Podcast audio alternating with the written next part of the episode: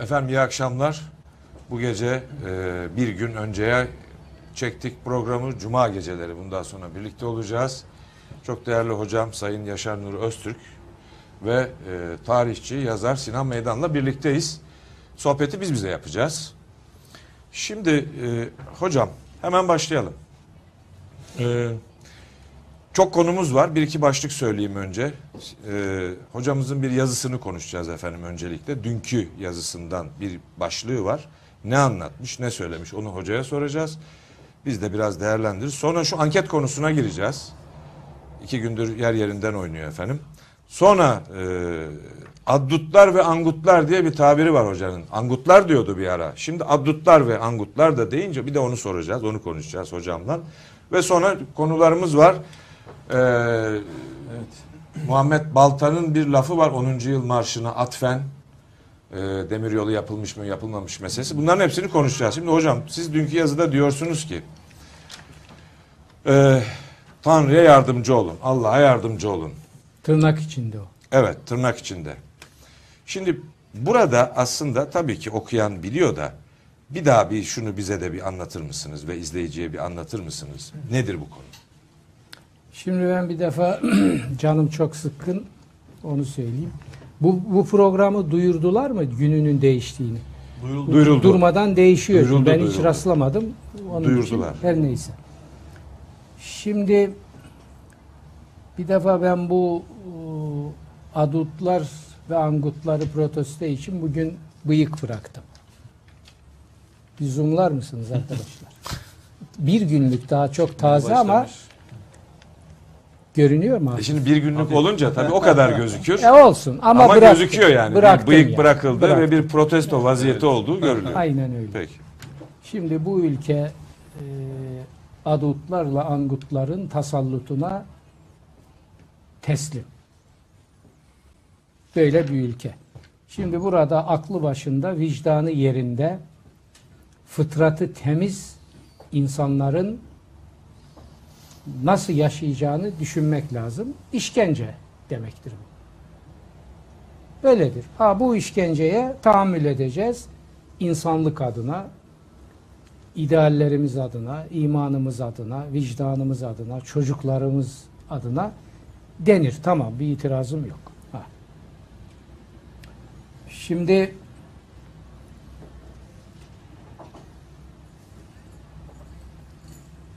ben bir şeyle başlayayım. Sabahın köründe bir telefon. Bugün mü? Dün mü? Sabahları açmam bugün. Erken açmam telefonu. İşte neyse bugün açtım. Öyle açayım dedim erkenden. Efendim ben filancanın danışmanı daha doğrusu iki danışmanı filanca da kim? Filanca yani Türkiye'nin ümit bağladığı, gelecek gördüğü birisi, bir zat. Buyurun kardeş. Şimdi buraya dikkat edin. Aynen cümleleri aynen onun gibi kullanarak söylüyorum. Efendim, hocam, Kur'an'da bir sure varmış. Aynen böyle. Bu surede namazı çıkar aracı yapanlar çok eleştiriliyormuş. Kamu haklarına tecavüz edenler de eleştiriliyormuş. Şimdi 3-4 çam birden devrildi zaten. Ma onu mu söylüyor? Neyi söylüyor? Bir dakika abiciğim. Neyi söylediğini Yok, merak ettim. Sorusunu alalım vatandaşın. Müthiş bir soru. Soruya bak şimdi. Devam ediyor. Biz bunu şimdi bakın bana söver gibi biz bunu eski Diyanet İşleri Başkanımızdan nokta nokta noktaya sorduk. Evet. Dedi ki öyle bir şey yok demiş. O diyen de kim? Yıllar önce ben Hazreti Peygamber milletin, halkın, kamunun malından çalıp çırpanları, devletin hazinesini tırtıklayanları cenazelerini kılmazdı. Bunlar sahabiler olduğu halde hiçbirinin cenazesini kılmamıştır. Dediğim zaman şöyle demişti. O Diyanet İşleri Başkanı dediği zat kişi. Efendim bunlar kulağa hoş geliyor. Ekranda prim getirir ama kaynak var mı? Bunların dayandığı bir yer var mı? Ben de 30 küsür kaynağı Arapça metinleriyle Ali Kırca'nın Ali Kırca programına programı. taşımıştım. Kıyamet kopmuştu. Sonra o Diyanet İşleri Başkanlığı yap, yapan zat bunun üzerine haysiyetli bir insanın yapması gerekeni yapmadı. Yani benden özür dilemesi lazımdı ve bana teşekkür etmesi lazımdı. Hiçbirini yapmadı ve sesi çıkmadı. Bir daha ses çıkmadı. Öyle ezildi. Kahrı munkarız oldu bu belgelerin karşısında ve sükuta gömüldü ve gitti. Şimdi Ozan sormuş. O da demiş ki böyle bir şey yok. Peki Evet. Şimdi ben tabii geldiler. Dedim ki siz uzaydan mı geldiniz? Türkiye'de yeryüzünde mi yaşıyorsunuz? O zannediyor ki espri yapıyorum. E, Biraz tabii- espri tabii de. Te- tabii ki efendim dedi. Biz dedi tabii. tabii. Peki siz Maun su- suresini bana sorduğunuza göre benim Maun suresi diye bir kitabım olduğunu biliyor musunuz? 400 sayfa civarında. Varmış efendim dedi. Hala mışmış diyor. Peki. Hala mışmış. Peki. Dedim ki siz dedim sen uzatma dedim. Şimdi sen dur ben konuşacağım. Ve baktım ki adım artık ötesi yok. Evet. Sen ve senin gibiler dedim bu şekilde danışmanlık mı yapıyorsunuz dedim. Siz bu danışmanlığı yaparak mı dedim o kişiye hizmet edeceksiniz. O da ülkeye hizmet edecek. Ülkenin ümidi olacak. Sizin çapınız bu mudur dedim. Siz böyle mi danışmanlık yapıyorsunuz?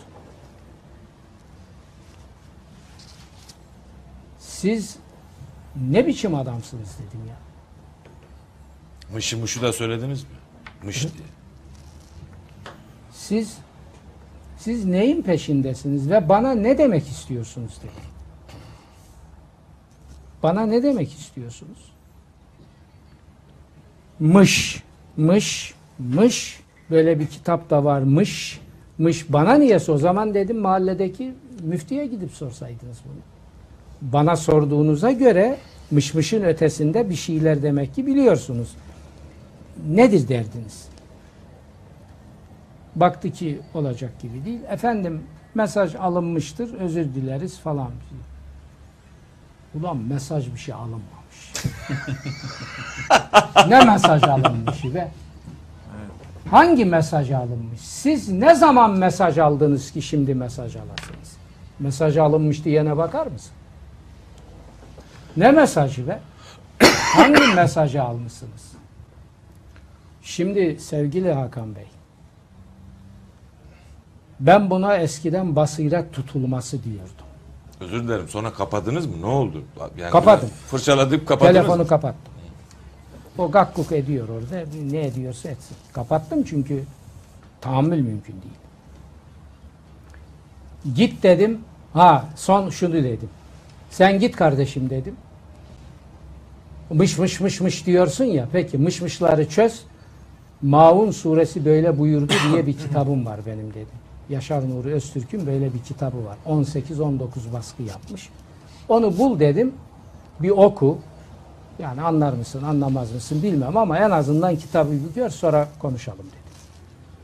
Mesaj alınmıştır dedi. Tamam. Hiç hiçbir şey aldığı yok mesaj. Mesaj alacaklara bak. Yani kızdınız Şimdi- demek istemiş. Şimdi kardeşim ben kızıp kızmadım. Kızmaya bile tenezzül etmiyorum. Kızmak için bile karşında birinin olması lazım. Bunun neyine kızacağım ben ya? Bazıları bana kızdı. Lan ben senin neyine kızacağım diyorum. Sen sen benim kızmama muhatap olacak adam da değilsin. Çoğuna böyle söylüyorum ben. Ben kızmıyorum. Ben hali tabiimde konuşuyorum. Ha kızacağım biri varsa türkülerde olduğu gibi ben kadere kızarım. Böyle bir ülkede yaşadığım için.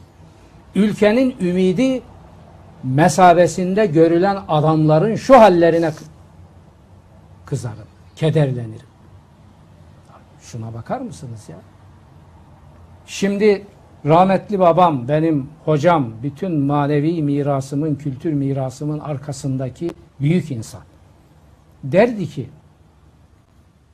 oğlum en dikenli ve zehirli kader körler çarşısında ayna satmaya mecbur olmaktır. Ve senin kaderin budur demişti bana. Aynen böyle işte. Ben babama sen İslam dünyasının o meşhur kehanetleriyle ünlü zatı var ya Batılıların. Nostradamus. Aynen. Sen o hav ne demektir derdi bizim oranın şivesi. Nostradamus'u falan Hmm. Bildiği yok babamın ne alakası var batıyla. Doğuyu Arapçayı Farsçayı bilir ama bunları bilmez. No, hav nedir derdi. Derdim ki o söyledikleri 100 yıl, 200, 300 yıl sonra çıkan bir adamdır derdi. Ha öyle adam da mı var orada derdi. Evet. Şimdi öyle demişti bana. Şimdi bakın ben 5 Şubat'ta 63. yıl dönümünü, yaş günümü kutladım çarşamba günü.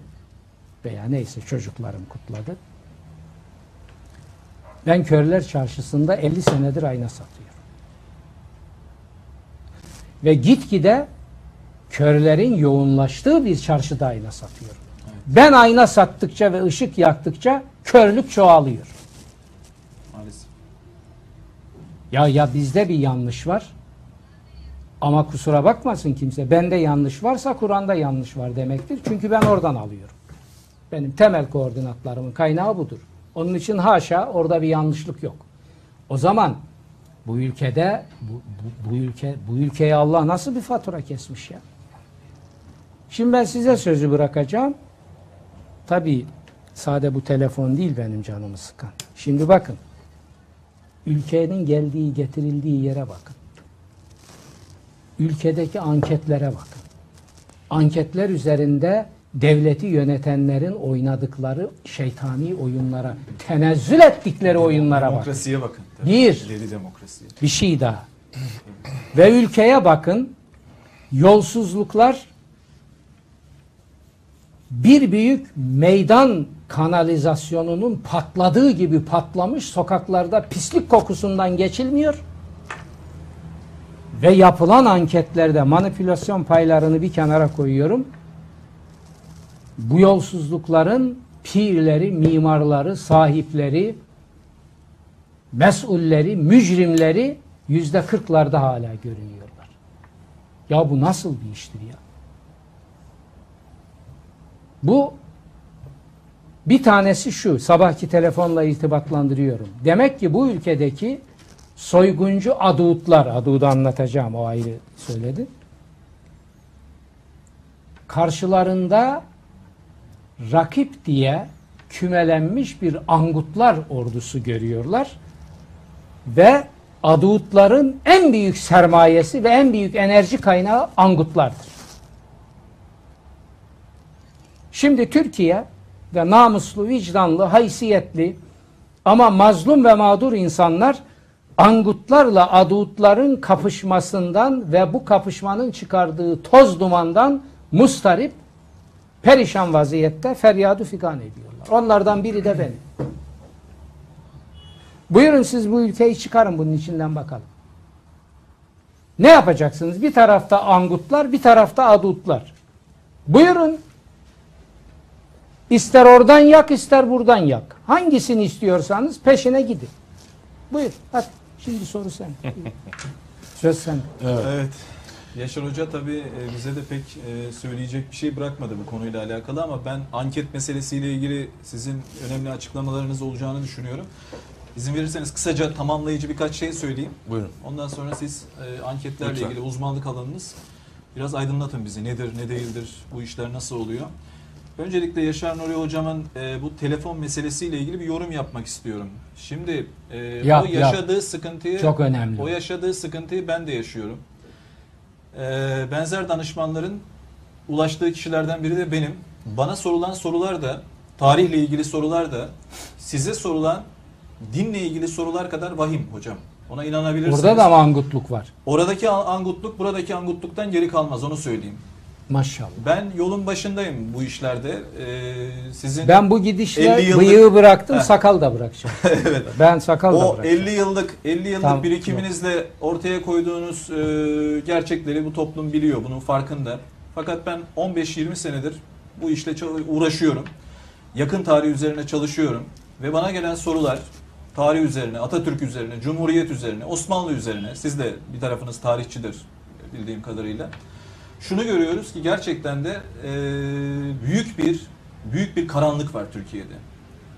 Yani büyük bir çıkmazın içindeyiz. Bir bataklığa saplanmış gibiyiz. Ne kadar kitaplar yazsak da, ne kadar televizyon ekranlarında konuşsak da insan büyük resme baktığında o karanlığı görüyor ve karanlığın içine saplanmış hissediyor kendini. Fakat oralarda yanan çoban ateşleri de var. Onları da fark ediyoruz. Ben üniversitelere gittiğimde, okullara gittiğimde ya da sokakta insanlarla konuştuğumda o aydınlık insanları görüyorum, o ışıkları görüyorum. Siz de görüyorsunuz. Yani yıllarca anlattıklarınızın boşa gitmediğini siz de Ya biliyorsunuz. gezi eylemleri bizde Geçen- bir enerji tazelenmesi Ha, yaptı. Yarattı. Orada Mutluluk kazandırdı. o, o dinamizm 6-7 kazandırdı. tane şehidi de verdi o çocuklar. Onlar ve onlar bir ümitti. Onlar bizde bir heyecan yarattı. Onlar bizi yeniden e, kapattığımız defterleri açtırdı. Ya şöyle böyle ama bu ülke işte bu. fakat o gençler şimdi o o fütüvvet kalkışının, o fütüvvet yürüyüşünün acılarını çekiyorlar. Var mahkeme mahkeme süründürüyorlar. Ölenleri, şehit olanları öldü gitti. Şimdi arkadan ama yine bakın angutlar yine egemenlik kurdular. Evet. Evet. İşte o buyurun. sözünü ettiğim karanlıkla ilgili bir e, çıkmaz durumumuz var. Şuraya geleceğim. Ondan sonra sözü size, size bırakacağım. Bu angut ve adut adut tabirin tabiriniz. Adudu açayım isterseniz. Onu açın, şimdi. ondan sonra ben- Şimdi adut O analizi Adudu-. Peygamber Efendimiz'den, Resul-i Ekrem'den alıyor. Ey ahali dikkat edin. Dikkat edin. Hazreti Muhammed Arap fistanı ve Arap sarığından ibaret değildir. Hiç değildir. Yaşadığı toplumun giysileridir onlar. Düşmanı Ebu Cehil de onları giymiştir, kendi de. Böyle bak, bu kadar. Nedir Hazreti Muhammed? Nedir? Onu kurcalayın. Koordinat alın Hazreti Muhammed'den. Koordinat almıyorsunuz. Fotoğraf alıyorsunuz. Fotoğrafla olmaz bu iş. O nihayet duygudur. Eğer gerçek koordinatları Hazreti Muhammed'den alırsanız o duygusal tarafa da saygı duyarım. Ama gerçek koordinatları ondan almamayı fotoğrafla kapatırsanız sizden nefret ederim. Şimdi diyor ki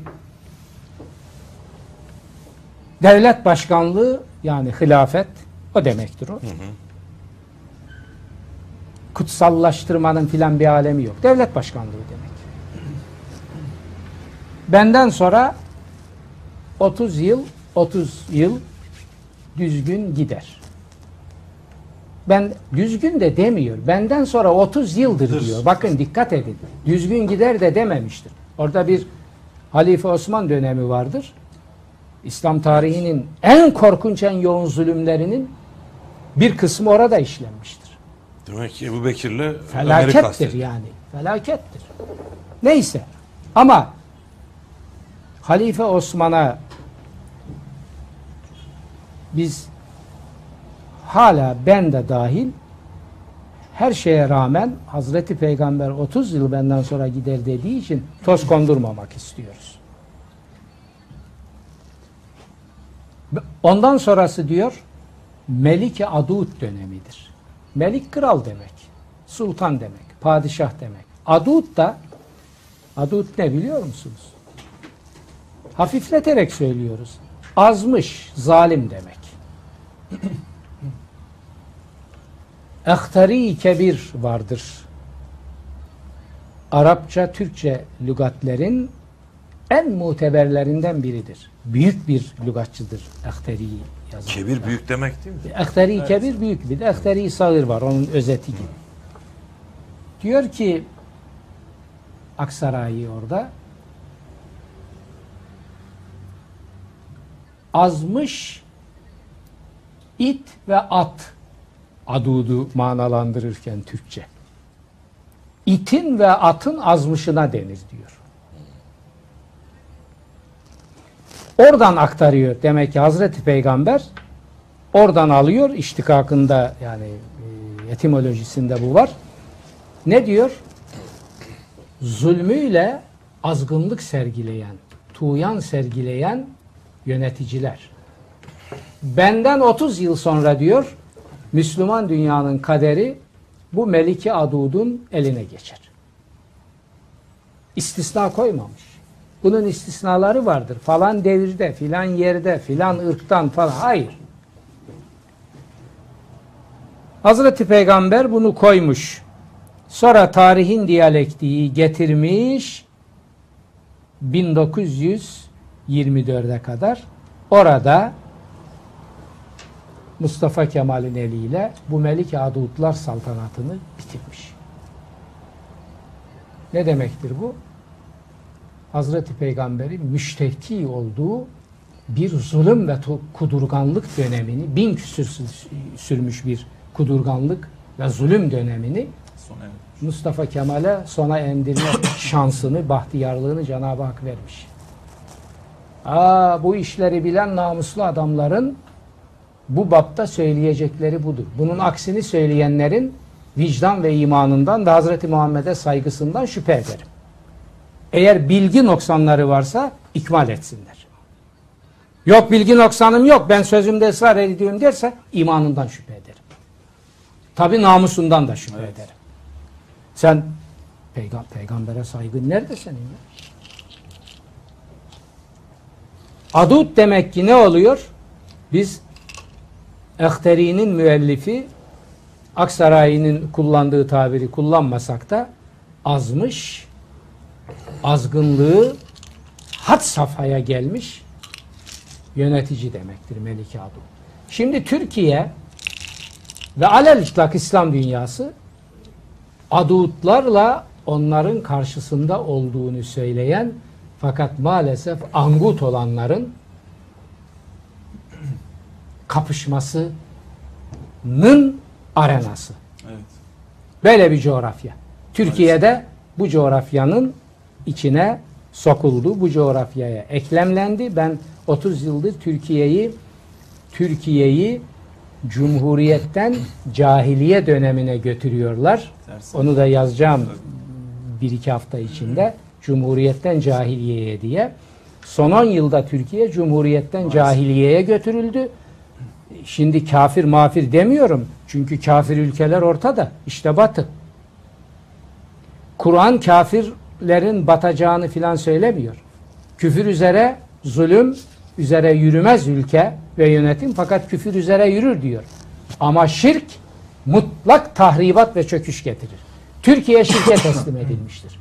Cahiliyeye teslim edilmiştir. 30 yıldan beri diyorum Türkiye Afganlaştırılıyor. Kurban olsunlar Afganistan'a. O mazlum zavallı zulüm imparatorluğu orayı o hale getirdi.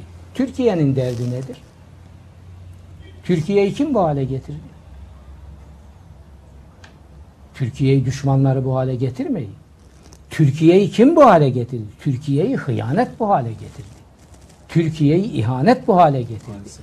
Türkiye'yi nankörlük bu hale getirdi. Türkiye'yi Türkiye'nin nimetlerini tepe tepe kullanıp o nimetlere hıyanet edenler bu hale getirdi. Ve şirke teslim ettiler Türkiye'yi. Cumhuriyetten cahiliyeye geçirdiler Türkiye'yi. Nasıl bu kadar rahat yapabiliyorlar bunu? Yapmaktalar. Çünkü kendilerine karşı olduğunu söyleyenler, aydınlığı temsil ettiğini söyleyenler. Ankut durumu. Angut. evet. Angut. Angutlu o zaman Evet. o zaman bir kural koyalım kardeşim. Bütün vicdanımla inanıyorum. Türkiye önce Angutluğu yenecek, sonra Adutluğu yenecek. Angutluğu yenmeden Adutluğu yeneceğini zannedenler nal toplarlar. İşte topluyorlar. Şimdi ben bunu söylerim. Ve bunu söylerken de haftaya burada bu programı bize yaptırmayacaklarını da varsayarım. Neden ki? Bana vız gelir, tırıs gider. Tamam da siz kime söylediniz ki? bunu? Her neyse canım Allah Allah. Şimdi biri çıkar der ki ya adutlar belli. Senin verdiğin tariften onlar apaçık ortada. Zaten birbirine girmişler. Onlar birbirlerini deşifre ediyorlar. Sadece adut kelimesini kullanmadılar. Kullanamazlar çünkü ikisi de adut. Bir İkisi de adut. Bir de Angutlar var. Biri Dürrizade adudu, öbürü öbürü adut. Mustafa Sabri. Hayat. Heh, İskilipli atı. Şimdi başka bir şey daha demek lazım. Ama angutlar adutları konuşan, deşifre eden bizzat adutların kendileri de dahil çok insan var. Bunu yeterince anlattınız hocam. angutları, Evet. angutları deşifre eden var mı? Yok. Ve angutluk deşifre edilmeden, Neden angutluğun açtığı badireler ve yaralar tedavi edilmeden adutluktan kurtulamazsınız. Çünkü adutları besleyen angutluktur bu ülkede. 50 yıldır böyle gidiyor bu. Hatta Mustafa Kemal'den sonra böyle gidiyor. Gayet açıkça anlattınız. Şimdi herkes anladığı kadarıyla kalsın. Bence ötesine gitmemize gerek yok. Peki git. Bence de aynen Sinan. Bey, e, o Angut- nokta- Ne kadar bir oldu şey. şey? Meselesi- Karanlıktan mı korkaysın? Yok. Bizim Karadeniz'de Hayır, bir tabir vardır. Karanlıktan mı korkaysın derler. Bahsetmiyor. Yok yok. Karadeniz'in bir de şöyle bir hikayesi vardır. Ya Pardon. korkmayın. Yok yok korku. Ne İkba- korkusu şey, hocam? Namık Kemal'i hatırlayın. Me- mezarı mekanı cennet olsun. Billah yaşamak yerde sürüklenmeye değmez diyor. İkbal tamamlamıştır onu. İkbal ondan tabii çok sonra ölen bir adam. İkbal de diyor ki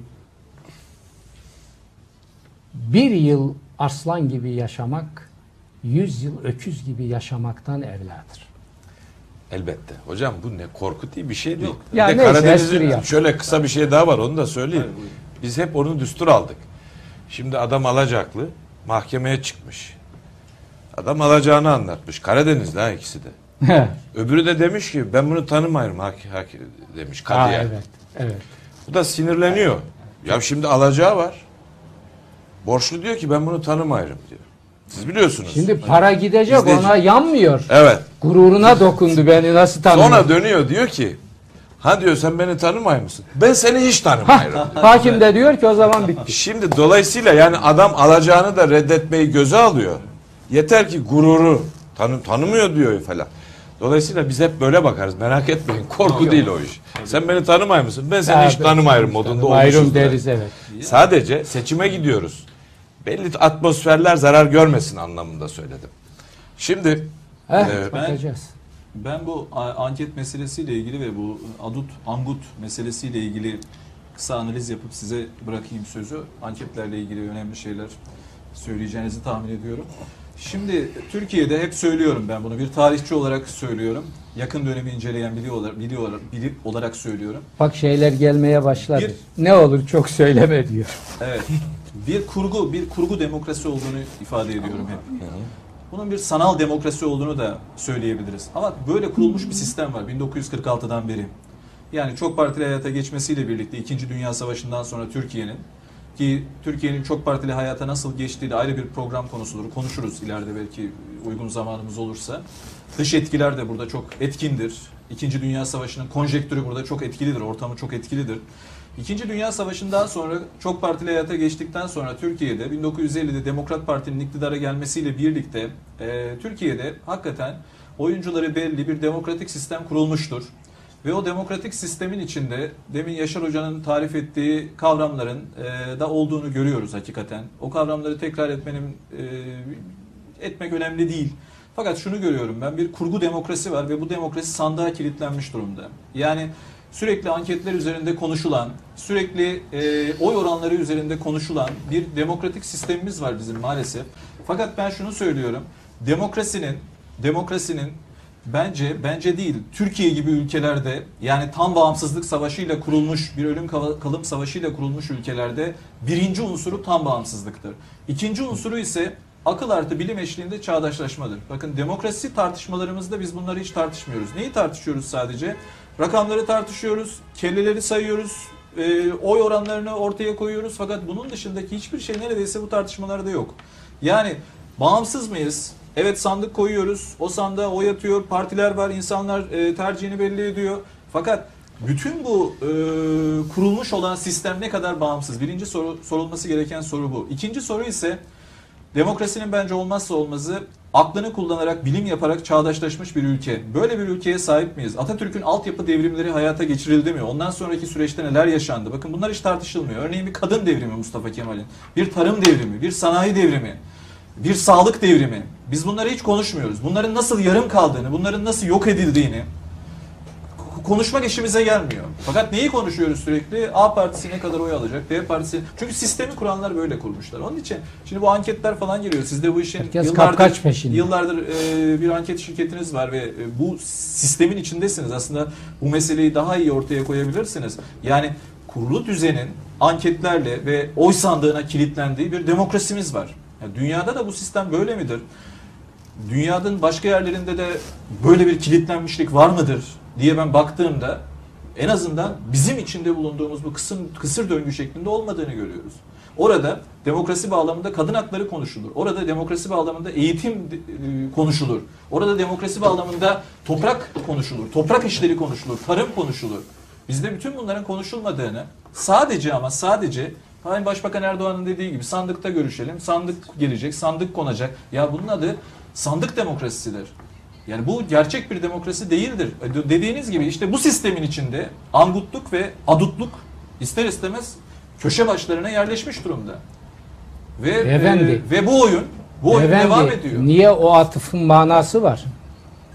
Yani şu pisliklerin sokaklarda ayaklarımıza dolaştığı zamanda hala sandığa atıf yapılabiliyorsa ve hala yüzde kırklar çıkıyorsa ya yüzde on çıka- çıksa Batı ülkelerinde o bile rezalettir. Bir de hırsızlık sandıkta aklanır Şimdi, mı yani? şimdi Bu bırak onu ya onu onu bırak şimdi. Nasıl yüzde onu bırakmamak otuzlar lazım. kırklar Nasıl o oluyor otuzda mesela? kırkta nasıl çıkıyor? Bak öyle dediğin zaman o şu demektir. Bu aklanmaz. Demek ki sandıkta biz aklana-. Ya öyle deme aklanır. Hayır Eğer- öyle diyor. Başbakan öyle diyor. Kardeşim yüzde Evet. kırk çıkıyorsa aklanır. Aklanmaz hocam. Yüzde yüz çıksa aklanmaz. Yani yüzde yüz çıksın bence Ya siz aklanmaz. ayrı şeyleri Ben, söylüyorsunuz. ben, Hırsızlık. ben katılmıyorum. Hırsızlık hocam nasıl? Bakın nasıl o aklanma ne demektir? O tırnak içinde Evet. bir aklanmadır. Allah bu toplumun belasını verecek demektir. O sandıktan öyle çıkıyor o sonuç demektir. Ama sen adamın ağzına fermuar çekemezsin. Aklandım der çıkar. Bitti. Ama işte bu kurulu düzende diyorum ki 1946'da temelleri atılan, 1950'de kurulan bu sanal demokraside, bu güdümlü demokraside hırsızlık yapar, çalar yine sandıktan çıkar hocam. Çünkü anketlerde oynandığını görüyoruz. Niye çıkar? E, Çünkü sistemi kuran aktörler böyle kurmuş. Niye çıkar Ama kardeşim? çıkamıyor, çıkamıyor. Çıkmaya devam eder. Ama Niye çıkar? ama çık- Angutluğun yüzünden E çıkar. Çünkü angutluk ve adutluk üzerine sizin de dediğiniz gibi bu sistem böyle Aduda kurulu. kızamazsın. Adut işini yapıyor. Bunu bu sistemi yıkmadığımız sürece Adut işini yapıyor. Aduda enerji olan angutluğu tahlil edeceksin. Bu bağımlı- Onu ko- onu Bak, halledeceksin. bu bağımlı demokrasiden kurtulmadığımız sürece, tam bağımsız olmadığımız sürece sandık kafalı olmaya devam ederiz. Ve o sandıkta en çok bağıran gene galip çıkar. En çok hile yapan gene galip çıkar. En çok çalar gene galip çıkar. Maalesef, maalesef sizin geçen programlarda söylediğiniz bir gerçek var. Kurtuluş çaresi dediniz ya Mustafa Kemal'in yolu. Kuvayi Milliye'yi bir hatırlayalım, bir konuşalım. Tamam anladık da o da teorik bir şey. Teorik değil, uygulaması var. Hayır, yok Kurtuluş- uygulaması. Kurtuluş Savaşı Ya yıllarında... uygulamasını kim yapacak? Uygulamasını Angutluk, angutluk engel. Ha, onu kırmanın yolu da işte diyorum. Hep siz söylüyorsunuz. Ben demiyorum siz diyorsunuz. Aklımızı kullanacağız. Bilimle uğraşacağız. Mustafa Kemal'in dediği muhasır uygarlıklar düzeyine çıkacağız. İnsanları bir şekilde aydınlatıp o karanlığı yeneceğiz hocam. Sinancığım yapma. Allah aşkına ya. Bunu yapmadığımız Ha, sürece... ya bütün açıkları gedikleri Evet. Mustafa Kemal dedi ki diye kapatamazsın. Hocam bunu- Mustafa Kemal dedi etti Hayır, hayır. öleli şu kadar yıl oldu. bunun uygulamasını Şimdi yapmışız biz. tamam Yani yapmadık mı yaptık. Bunu e, yap yap işte yap. Ha, e, bu konuda Ya angutluk engel diyoruz. Ha, bu angutluğu yenmek için en büyük mücadeleyi verenlerden biri siz değil misiniz? Ben de bu mücadelenin ucundan tutanlardan biri İşe değil yaramıyor. miyim? Öyle düşünmeyin hocam. İşe yaramıyor diye Veya düşünemezsiniz. neyse. Yani işe yaramıyor olur mu? Yarıyor veya Ha, yaramıyor. Şimdi angutluğu nasıl aşacağız? Evet. Türkiye'nin temel problemi budur. Ha, bunu tabii ayrıca tartışmak Şimdi lazım. angutluk nasıl bir şey? Sen bana atıf yapıyorsun habire. E sen Tamam. çalıştın 50 Tamam. senedir. tamam ben de sana atıf yapayım. evet. Angutluk şöyle bir şey. Bana diyor ki sen de sonuçta Kur'an demiyor musun kardeşim? Tamam. Sen de mollasın, sen Ha, de evet. hoca efendisin. Senin öbür hoca efendiyle falan molla ile farkın sen biraz daha düzgünsün. Biraz daha batıyı biliyorsun, batı dillerini biliyorsun. Bu fark bu ama sonuçta aynı. Ha, sonra ne yapıyor? Sonra diyor ki ben birkaç tane daha oy almak için ben çarşaf açılımı yapacağım. Ha, yani. Şimdi çelişkiye bakar mısın? Sonra ne oluyor? Çarşaf açılımı ile ben birkaç oy tırtıklayacağım diyor. Çarşaflıyor. İşte sandığa endeksli bunları Çarşaflamıyor taraf. Türk, Türk milleti buna altına etmek der. Ondan sonra içine de oturuyor. O da yetmiyor. Hem ediyor hem de üstüne de oturuyor. Şimdi angutluk böyle bir şey. Siz bu tartışma Vallahi- bitmez. Bana biraz müsaade edin. Müsaade buyurun biraz. Sö- Son, son cümlemi Buyurun. e, Peki. Peki. söyleyip size verelim söz hakkını siz konuşmadınız çünkü. İnsanlara bir şekilde anlatmak zorundayız bu olup bitenleri. Bugün de burada zaten bunu yapıyoruz. Dolayısıyla dolayısıyla yani bir yerden başlamak lazım. O yerden de başlamış durumdayız. Ha bu zor olacak. Açık zor olacak. Yüzde 45 çıkıyor yine. Yüzde 40 çıkıyor. Size şimdi buradan anketlerden direkt sözü size bırakalım. Yüzde kaç çıkıyor? Gerçeği nedir bu Şimdi- işin? Anketlerle evet, oynanır evet. mı? Sinan Bey, Yani- hocam şöyle. Evet.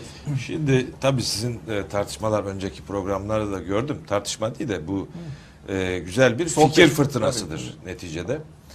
Önce şu sandık meselesini evet. söyleyeyim. Orada kısmen ben hocama katılıyorum. Şöyle ki sandıkta racon biçildiği zaman onu kimse kurtaramıyor. Tabii ya sen gerisi hikaye ya. Yani Şöyle. Tabii, Sinan, tabii. Bakın izah doğru. Çok kısaca izah edeyim. Hakikatte Kurulu- hikaye Şimdi- değil. Hayır, Kurulu sistem Bir dakika. Ama hocam, hocam. meydanda, Tamam, sokakta tamam. hikaye oluyor. Şimdi gene. size müşahs, müşahs yani somut örnek vereyim. Yani kısaca vereyim çünkü asıl konumuz bu değildi ama şunu söyleyeyim millet de biraz rahatlasın. Evet. Bu ülkenin son 60-70 senedir bir kaderi var. Demokrasinin içine girmiş ve artık demokrasinin içinde yaşıyor. E, tabii ki. Şöyle ki mesela İsmet Paşa o 46'da değil 1950'de sandıklar açıldığında elinde çok büyük bir güç varken kıpırdayamadı. Tamam hem kendi e, niteliğidir ama hem de kıpırdayamadığı için kıpırdamamıştır. Efendim 1900 işte 61'de sandıklar açıldı. E, iktidarlar bunu vermez. Bakın ben size ANAP dönemini söyleyeyim. Evet. 1990'lara gelindiğinde o 87 seçimi sonrası ANAP da öyle bir güç halinde iktidardaydı ki katiyen onun veresi yoktu. Ama sandıklar açıldı, kader biçildi. Dolayısıyla bu ülkede şunu herkes bilsin ve rahatlasın. Seçmen eğilim değiştirdiği zaman iktidarlar geldikleri gibi gider. Bu- Burada herkes rahat olsun. En azından en azından ya burada bu ülke Amerika'nın veya filancanın falancanın dizayn ettiği bir ülkedir. Sandıkları da onlar karar verir. O boyutta değil. Çünkü bu ülke Amerika'nın ya da bir başkalarının baş, başka e, mercilerin çok da arka bahçesi olamıyor. Olmuyor. Olamama sebebi de şudur. Tabi bunlar benim görüşlerim, beni bağlar. Bu ülkede hem, hem de bu topraklar üzerinde bin yıllık bir devlet yönetme know-how'u var. Bu sebepten ötürü Osmanlı'dan da gelen bir know-how var bu ülkenin. Bu sebeplerden ötürü tam diyorlar ki ha tamam bizim çocuk bildiğimizi yapacak filan derken Türkiye ile Yani sürüyor. evdeki Bu hesap benim görüşüm. çarşıya uymuyor Türkiye'de, Türkiye'de diyorsunuz. uymuyor. Evet. Türkiye'de uymuyor. Ve iktidarda da kim olursa olsun. Ve Türkiye'de seçim sandıklarını da dış kaynaklar tayin edemiyorlar. Yani ben size İnşallah. 30-40 tane örnek veririm. Ve AKP iktidarı içinde şunu söyleyeyim size. Ee, son birkaç yılına girmiştir. Kişisel görüşümü söylüyorum yine. 30 Mart seçimi, arkasından Cumhurbaşkanlığı seçimi, arkasından genel seçim, peş peşe 3 seçim. Bu filmi hep birlikte seyredeceğiz. Yani son birkaç yılına girdik AKP'nin. Bitmiyor diye bir şey yok. Bunu ben Evet. size özellikle söylemek istedim. Şimdi gelelim. Ee, bu arada demin hocam kahrı munkarız diye bir isim tamlaması kullandı. Değil mi? Doğru hatırlıyorum. Evet bir tane daha kullandım. Bu munkarız inkrazdan Evet. geliyor değil mi? Yani Kahrımın karız çöküntü oldu. halinde kahroldu. Çöktü, çöktü, çöktü. çöktü. Çökmek demek çünkü. Evet. İnkraz Yıkılmak. çökmek. Ziru zeber de onun aşağı yukarı Farsçasıdır. Şimdi tabii eski Osmanlıca kelimeler kullanıyor. Siz de tarihçisiniz, Evet. vakıfsınız. Şimdi gelelim bu anket mevzuna. Güzel bir laftı da onun için demin not almıştım. Ee, şimdi anket konusu bence şöyle. Ben 25 sene oldu bu işin içindeyim. Çok hatıram var. Yani liderlerle var. Sayın Demirel'le, rahmetli Ecevit'le, Erdal İnönü'yle var. Çoklarıyla var. Rahmetli Türkeş'le. Şimdi bir kere ben Murat Sarı'yı iyi tanırım. Kim o? Bu olaydan konsensus sahibi. değil mi? Evet Evet. evet konsensus sahibi. Murat dürüst bir çocuk. Evet. Tanıyorum. Efendim meslektaşım. Hayır hayır hayır. Hayır. Bak başka bir mesela tanıdığım birisiyle ilgili. Şimdi ben efendim sen kötü gün dostusun. Bütün dara düşenlerle ilgili böyle yok öyle bir şey. Bu farklı bir konu. abi. Kızdığım bir şey olur. Kızmışımdır. Döner söylerim yani. Şimdi birincisi dürüst olduğunu bilirim. Ben dedim ki ilk tepki olarak Murat Sarı bu, bu konuyu bana bir anlatmadan ben fikrimi söylemem dedim. Nihayet bu gece anlattı, dinledim. Madde bir, anket olduğu gibi yayınlanmış. Değişiklik olmamış. Gazetede değişiklik olmamış. Ya konuşmalar olmuş ama uygulanmamış. Evet, konuşmalar Yani. olmuş. Evet. Konuşmalar işte o sesler, duyduğumuz Ha, sesler. kayıtlar. Ben de dinledim ya 3-4 Evet. kere dinledim. Evet sesler hakikaten sahiplerine benziyor. Fakat değişiklik olmamış. Aklıma Evet. tabii şu geldi. Öyle bir dönem yaşıyoruz ki. Ayrıca şunu da söyleyeyim. Ben Fatih Altaylı'nın muhalif bir adam olduğuna dair çok gördüğüm veya duyduğum şeyler oldu. Geçmiş günlerde. Yani içinde bulunduğu pozisyon gereği o çok sorumlu bir televizyonun şu anda bir önemli bir pozisyonunda. Belki o tür şeyler konuşarak idareyi maslahat yapmıştır diye düşünüyorum en azından. Öyle yaptığını söyledi Ama- zaten. Öyle mi dedi? Dün bir kanala bağlanıp buna benzer şeyler söyledi. Bakın hiç Evet. inanın duymadım. Art- Hakikaten duymadım. Artı bire bağlanıp Vallahi duymadım. Söyledi. Tahminimi söylüyorum. yani. Çünkü ben bir tek Murat'la Ha, konuştum. ben duyduğum için. Evet. İdare-i maslahat yani vaziyeti idare edeyim. Çünkü Evet. söylediği ne? Yani AKP'ye mi puan vereyim diyor. AKP'yi mi artırayım diyor. Hayır. Usulen oradan oraya bir şey yapıyorum. Bak sizin de hoşunuza git. Bir çeşit oyalamak gibi bir şey. Benim gözlemim bu tabii. Yanılabilirim. Dolayısıyla ben bu olaya biraz herkesten farklı bakıyorum. Ha bizim sektörde, araştırmacılıkta böyle şeyler olmamış mıdır? Seçim Yani. sonrası kapanan şirketler olmuştur. Benim yaşadığım çok hatıram var. Bir tanesini söyleyeyim. İlginç de bir anekdot. Millete ilginç gelir. Sayın Demirel yaşıyor. Ee, hafızası da gayet yerinde, sıhhati yerinde. Maşallah Allah sıhhat ve ömür versin. Doğru. Sene 1990. Doğru Yol Partisi'nin yasakları kalkmış. 87'de bir seçimden çıkmış Doğru Yol Partisi. Az sayıda milletvekili var. Fakat anketlerde görüyorum ki iktidara geliyor. 1991'de iktidara geliyor. Görüyorum anketlerde. Ben de çok genç bir araştırmacıyım. Sonar yine var. Sonar'ı 88'de kurmuştum. Bize Doğru Yol Partisi o zamanın Süleyman Demirel'in genel başkanı olduğu Doğru Yol Partisi bir anket yaptırdı Sonar'a.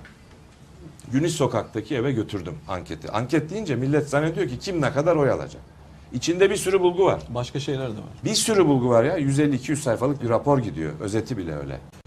Neyse onları anlattık biz. Yanında şimdi onun ismini vermek istemiyorum. Yine kamuoyunun iyi bildiği birisi var. Oturuyorlar. O birisi ha ben şeye geldim. Seçim olsa kim ne kadar oy alır kısmına geldim raporda. Dedim ki Doğru Yol Partisi yüzde 28 dedim oy gözüküyor. Ama birinci durumla. Birinciliğe yükselmiş dedi. Ana vatanı geçmiş dedi. Böyle bakıyordu Sayın Demirel, Süleyman Demirel. Yanındaki beyefendi, onun ismini vermek istemiyorum. Dedi ki Hakan Bey dedi bunu dedi gazetelere vereceksin değil mi? Vereceğim. Ya bunu dedi 30-31 olarak versen olmaz mı? Ben de 28-29 yaşında genç bir adamım. Karşımda 20 senedir efsane gibi seyrettiğim bir adam var. Tabii Demirel çok zeki bir adam. Bu işleri bilen bir insan. Ben bir 5 saniye gidip gelince Demirel kurtardı beni. Dedi ki bir dakika dedi şimdi o işler öyle olmaz dedi. Aynen tabiriyle söylüyorum. Şimdi dedi biz 28 miyiz dedi. evet 28'siniz efendim. İyi dedi bu bizi iktidara getirir mi? Koalisyonla getirir. İyi o zaman daha ne olsun dedi. Demirel beni kurtardı. 28-29 Evet. yaşında bir gençtim. Ha, orada ben peki diyecek halim yok ama ne diyeceğimi şaşırdım. Çünkü ilk defa karşılaşıyordum. Sonarı da yeni kurmuştum. Bunlarla bizler çok karşılaşmışızdır. Evet. Bu tip şeylerle. Ama bir şey söyleyeyim size. Son 5-10 yıldır, belki 15 yıldır. Belki 10 yıldır filan. Tabii ben AKP'li hiç çalışmadığım için oranın suyunu, şerbetini bilmem. Ama muhalefet partileri için, özellikle ana muhalefet için şunu söyleyebilirim Cumhuriyet Halk Partisi için. Ben 10-12 yıldır Cumhuriyet Halk Partisi ile yoğun çalışmalar yapan hem genel merkeziyle hem belediyeleriyle ya da adaylarıyla çalışmalar yapan bir kurumun başındayım. Ben hiç oradan böyle teklifler almadım. Yani bizi şu kadar yükselt, bu kadar yükselt hiç teklif almadım. Bizim şirketin faturaları da ortada. Her şey resmi ortada. Ee, gayri resmi ola- olan zaten bizim sektörde bir şey çok zor. Her şey ortada. E bizim şimdi ben Cumhuriyet Halk Partisi'nden böyle bir teklif al hiçbir gün almadım. Başka bir partiden de almadım ayrıca. Ama ondan önce alırdık. Evet. Çünkü bundan 10 yıl 15 yıl öncesine kadar siyasetçiler araştırmacılığı sadece o puanın yüksek olması gözükmesiyle iyi bir şey olduğu zannettikleri bir şey e, olarak görürlerdi. E sonuçta e, anladık ki gördük ki son yıllarda herkes araştırmacılığın aslında bir bilgi kaynağı olduğunu görmüş anlamaya başlamış. Çünkü Avrupa'da ve Amerika'da bu böyle. Ve benim şöyle bir gözlemim var. Bu Amerika'da ve Avrupa'da son 200 yıldır. Hangi yağmur yağsa, hangi kar yağsa, hangi taş yağsa gökten mutlak 5 yıl ya da 15 yıl gecikmeli bu ülkeye de yağıyor. Doğru. E, Avrupa ile Amerika'ya bakıyorum. Anket dediğiniz şeyi, araştırmacılık dediğiniz şeyi kullanıyorlar tepe tepe. Medyası da, siyasetçisi de. Bilir misiniz Amerika'da valiler, eyalet valileri her ay anket yaptırırlar. Her ay. Öyle üç ayda bir filan değil. Amerika'da vali seçimle seçilir. Belediye başkanı değil. Vali seçimle gelir. Valiler her ay anket yaptırır. Hatta aralarında şöyle konuşmalar geçer. Araştırma Amerika'da ve Avrupa'da o kadar olağan ve doğaldır ki, o kadar gerçek bir şeydir ki.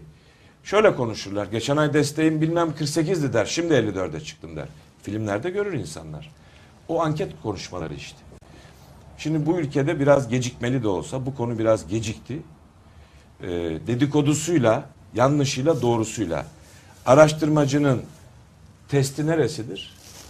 Seçimdir. Şimdi araştırmacılar genel ortalama herhangi bir seçim için, İstanbul Belediye Başkanlığı için, bilmem Ankara için, İzmir için. Şimdi bu yerel seçimde bunlar önemli. Bu genel seçim değil. Şimdi rakamları verecekler bu araştırmacılar. Sırf sonar değil. 5 tane, 10 tane, 15 tane firma verecek.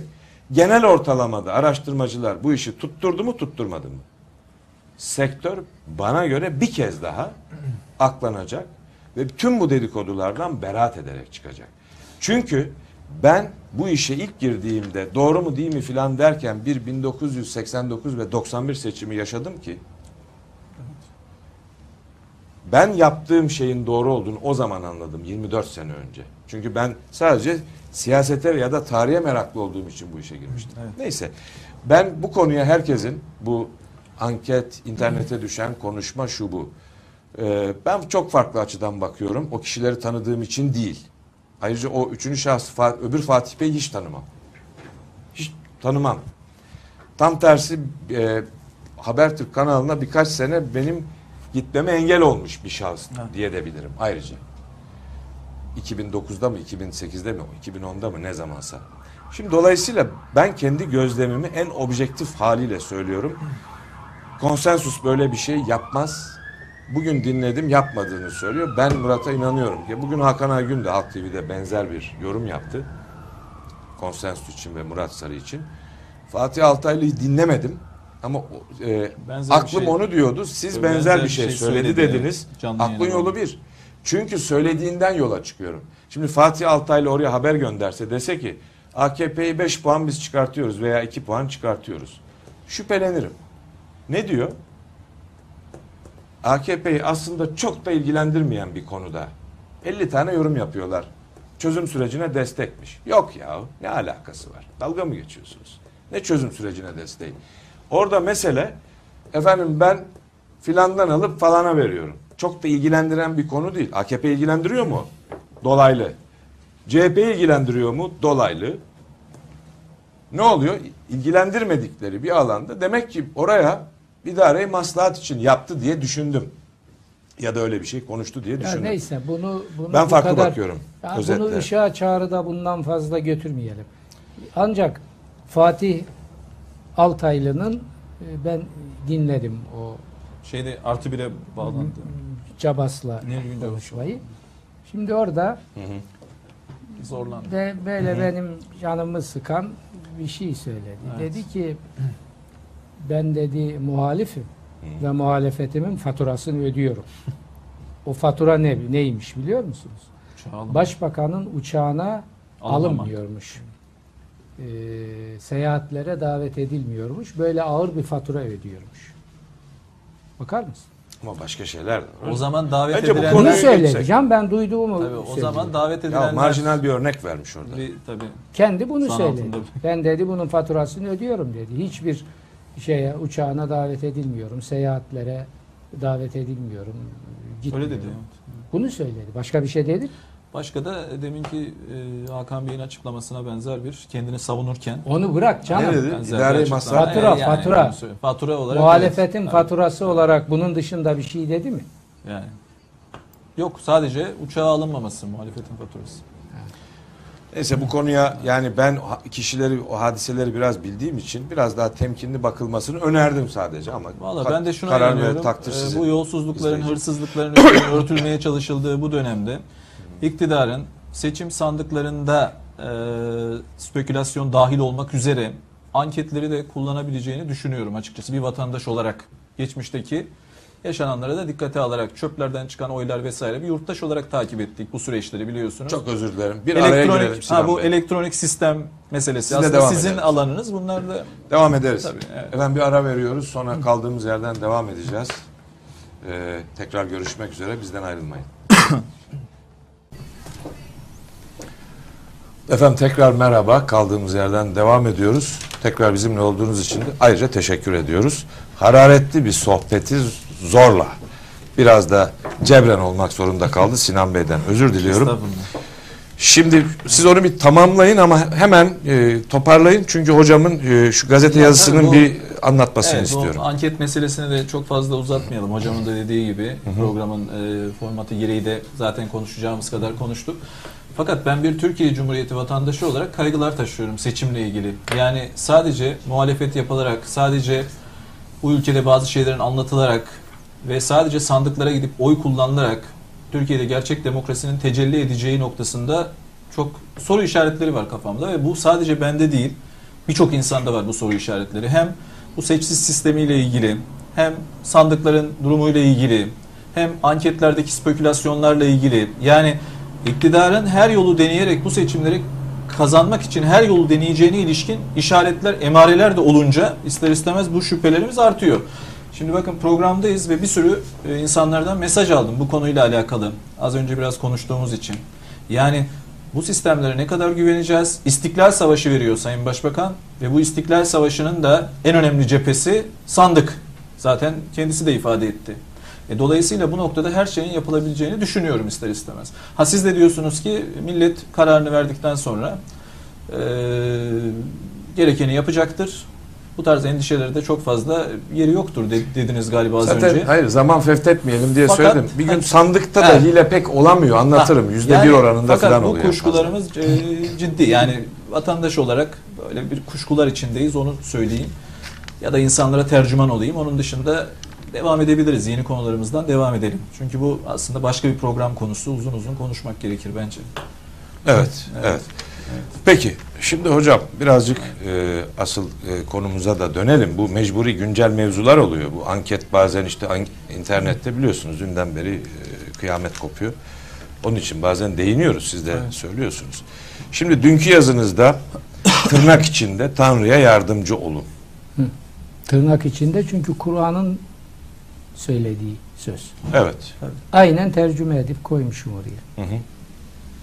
Şimdi bunları Kur'an meallerinde Emevi dinciliğinin keyfine uydurdular. Çünkü Allah'ın kelamı olduğu bilinen bir kitap Allah'a yardımcı olun diyorsa burada ciddi bir e, zihin patlaması getiriyor. Bunu nasıl izah edeceksin? Ve bir yerde demiyor bunu. İsim halinde, emir halinde, fiillerle oraya aldığım Saf suresinin bir ayetidir ve enteresandır.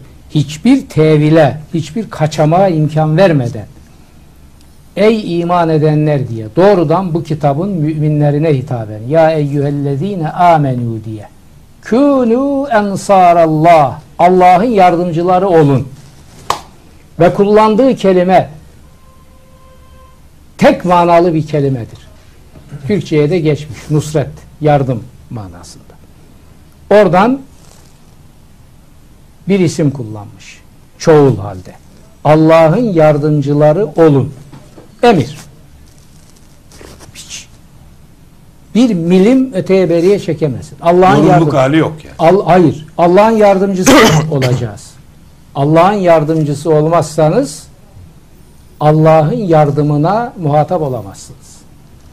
Şimdi evirip çeviriyor. Başka yerde Muhammed suresinde de şöyle diyor.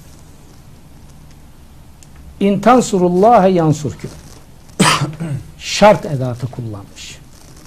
Eğer Allah'a yardım ederseniz o da size yardım eder. Devam ediyor. Ve yusebbit aktameküm. Ve ayaklarınızı sağlam basmanızı sağlar. Temin eder. Hiç matematik formül. Daha başka ifadeler vardır. Allah'a yardım edin, o da size yardım etsin. Allah'a yardım ederseniz bir yerde de diyor ki yemin olsun Allah kendisine yardım edene yardım eder. Ve le yansurannallahu men yansuruhu. Yani muhtemel bütün ifade şekilleriyle ve aynı kelimeyi kullanarak, yardım kelimesini kullanarak evirip çevirip söylemiş bu. Şimdi Muhammed İkbal buradan hareketle insan tarifi çıkarıyor.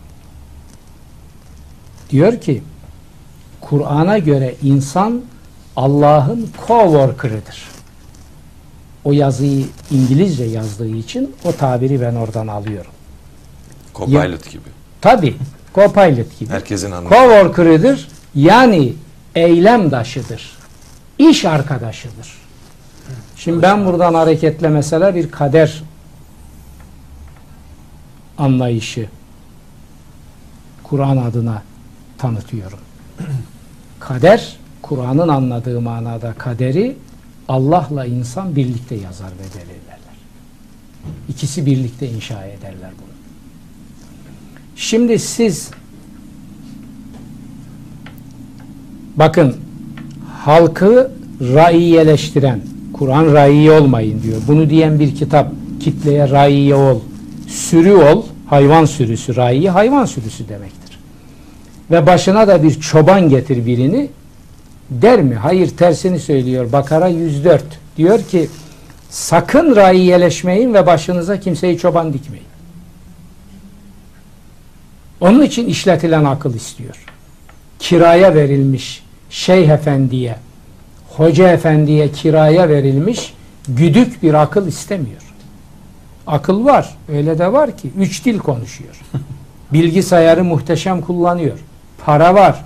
Altında son model araba var. Mevkii var. Her şey var. Fakat aklın intifaını efendisine vermiş. Yani böcekleşmiş. Kendini böcekleştirmiş. İflah etmezsin diyor Kur'an-ı Kerim. Şimdi Allah'ın yardımcısı olun diyor. Bu yazıyı ben niye yazdım? Allah'ın yardımcısı nasıl olacaksınız? Eğer ben Kur'an'ı bu sahip olduğum vukufla bilmesem o yazıyı yazdığım zaman benim canımı okurlar. Derler ki lan bunu nereden çıkardın? Bu ne demek Allah'a yardımcı olun? Ne demek bu falan? Ama görüyorsunuz ve özellikle ben ayetleri özgün metinlerinden okuyorum. İşimi iyi bilmek dediğim budur. Şimdi bunu ne yapıyorlar? Bir parantez açıyor oraya. Allah'a yardımcı olun. Allah'ın dinine yardımcı olun. Senin babanın çiftliği mi Kur'an-ı Kerim? Senin babanın çiftliği mi? Sen bu mesajı katlediyorsun orada parantez açıp oraya melanetinle iki tane kelime sokarak. Allah kelime bulmakta zorluk mu çekiyor? Edepsiz, hayasız, imansız, irfansız adam seni. Allah kelime bulmakta zorluk mu çekiyor? Allah kelamdan aciz mi haşa? Sen parantez açarak onu tamamlıyorsun. Kimsin sen? Allah muhatabının çapını bilmiyor mu? Ben bu Kur'an'ı siz anlayasınız diye kolaylaştırdım defalarca diyen de o Cenab-ı Hak değil mi? O bunları diyen bir kudret olarak muhatabına böyle hitap ediyor. Sen niye araya parantezler sokuyorsun? Allah'a yardımcı olacağız. Nasıl yardımcı olacağız? Yal çadırlarında uyuşarak Allah'a yardımcı olamazsınız. Evvela yal çadırlarından çıkmak lazım. Yal çadırlarından çıkarsam aç kalırım. Aç kalacaksın ve açlığın acısını duyarak seni nasıl aç bıraktıklarının hesabını soracaksın ve bunun arkasını, arka planını irdeleyeceksin. E şimdi Allah'a yardımcı olmak bizim ne haddimize? Biz Allah'a yardımcı olan birilerinin uşağı oluruz diyorsa bir kitle bu kitlenin iflah etmesi mümkün değil. Ben Allah'a yardımcı olacağım deme cesaretini gösterecek. Hani gene geliyoruz oraya çünkü bu ayetleri tarihin önünde ilk defa eyleme çeviren, ilk defa hakkını veren o. Ben onun sevdalısı olarak şu çileleri çekiyorum. Angutlar için çekmiyorum. Angutlar için ben bir dakika burada gelip konuşmam, bir dakika bir yere gitmem, bir adım atmam. Ama Mustafa Kemal diye bir tarihi gerçek var. Onun ıstırabına muttaliyim ben. Ve o ıstıraba aşinayım. Onun için bu, bu sıkıntıları çekiyorum. Diyor ki biz de size bakarak bağımsızlık savaşı vereceğiz. Ne dersiniz? Olmaz. Allah ne diyeyim diyor. Şunu sorarım. Sizin bu savaşı vereceğiniz, birlikte vereceğiniz kitle, halkınız ölmeye hazır mı? Evet. İşte Allah'a yardımcı olunu anlamak budur. Şimdi angutlardan biri birçoğu eminim içinden şöyle geçiriyordu. Belki de sövüyordur bana şimdi. Aynen iade ederim. Di- diyordur ki ulan Atatürk'ü de molla mı yapacaksın sen? Bakar angutluğun Evet. alameti farikası olan söylemlerden biridir bu. Bana da çok gelir. Atatürk'ü dinileştiriyor. Evet. Bakar mısın? Yani Atatürk bu işleri anlamamış. Bu din meselesine kıyıdan köşeden iki yüzlülük ederek şöyle bir göz kırparak filan değil de doğrudan girmiş. Din söyleminin girmediği tek konuşması yok. Doğru. Askere verdiği teknik askeri talimatlar hariç. Ben hepsini tespit ettim. Son son 20 yılımı ben bu işe verdim. Yani tabii öbür işlerimi de yapıyorum ama Aslında orada da var hocam. Şöyle bir parantez kısa Orada bir şey, da var tabii. Şöyle kısa bir şey söyleyeyim. Türk Silahlı Kuvvetleri'nde Atatürk'ten beri yemek duası Allah'ımıza ya hamdolsun. o manalarda demiyorum. yani. Atatürk'ün meseleyi benimseyerek. Benimseyerek tabii. Atatürk diyor ki Şeklen değil diyor. Atatürk diyor bakın kendini ku- kurtarmaya akote cevaplar vererek durumu idare etmeye hiç bunlara tenezzül edecek bir adam değil. Angutlardaki rezillikler, adilikler onda yok. Cephede. Benim yaptıklarım benim dinimin talepleridir diyor. Ben bunları yapıyorum ve bunlar dine uygundur, dinin talepleridir bunlar. Özeti dediğinin budur.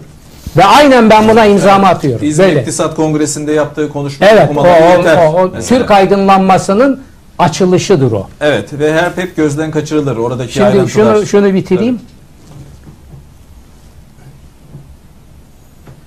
Din dinileştiriyor falan. Ne dinileştirmesi ya? Yıllarca Siz- dinsizleştirdikleri için Si, a, a, bravo. öyle görüyor. Bravo. Tabii seni öyle görüyor. Sen kimse Mustafa Kemal'i dinileştirmiyor. Mustafa Kemal neyse o. Ah, evet. Nevi şahsına münhasır.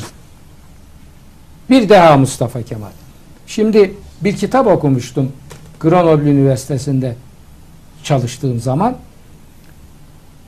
Diyor ki orada e, Fransız yazar Vedaların diyor Vedik kültürün onun ifadesiyle özeti şu cümledir diyor.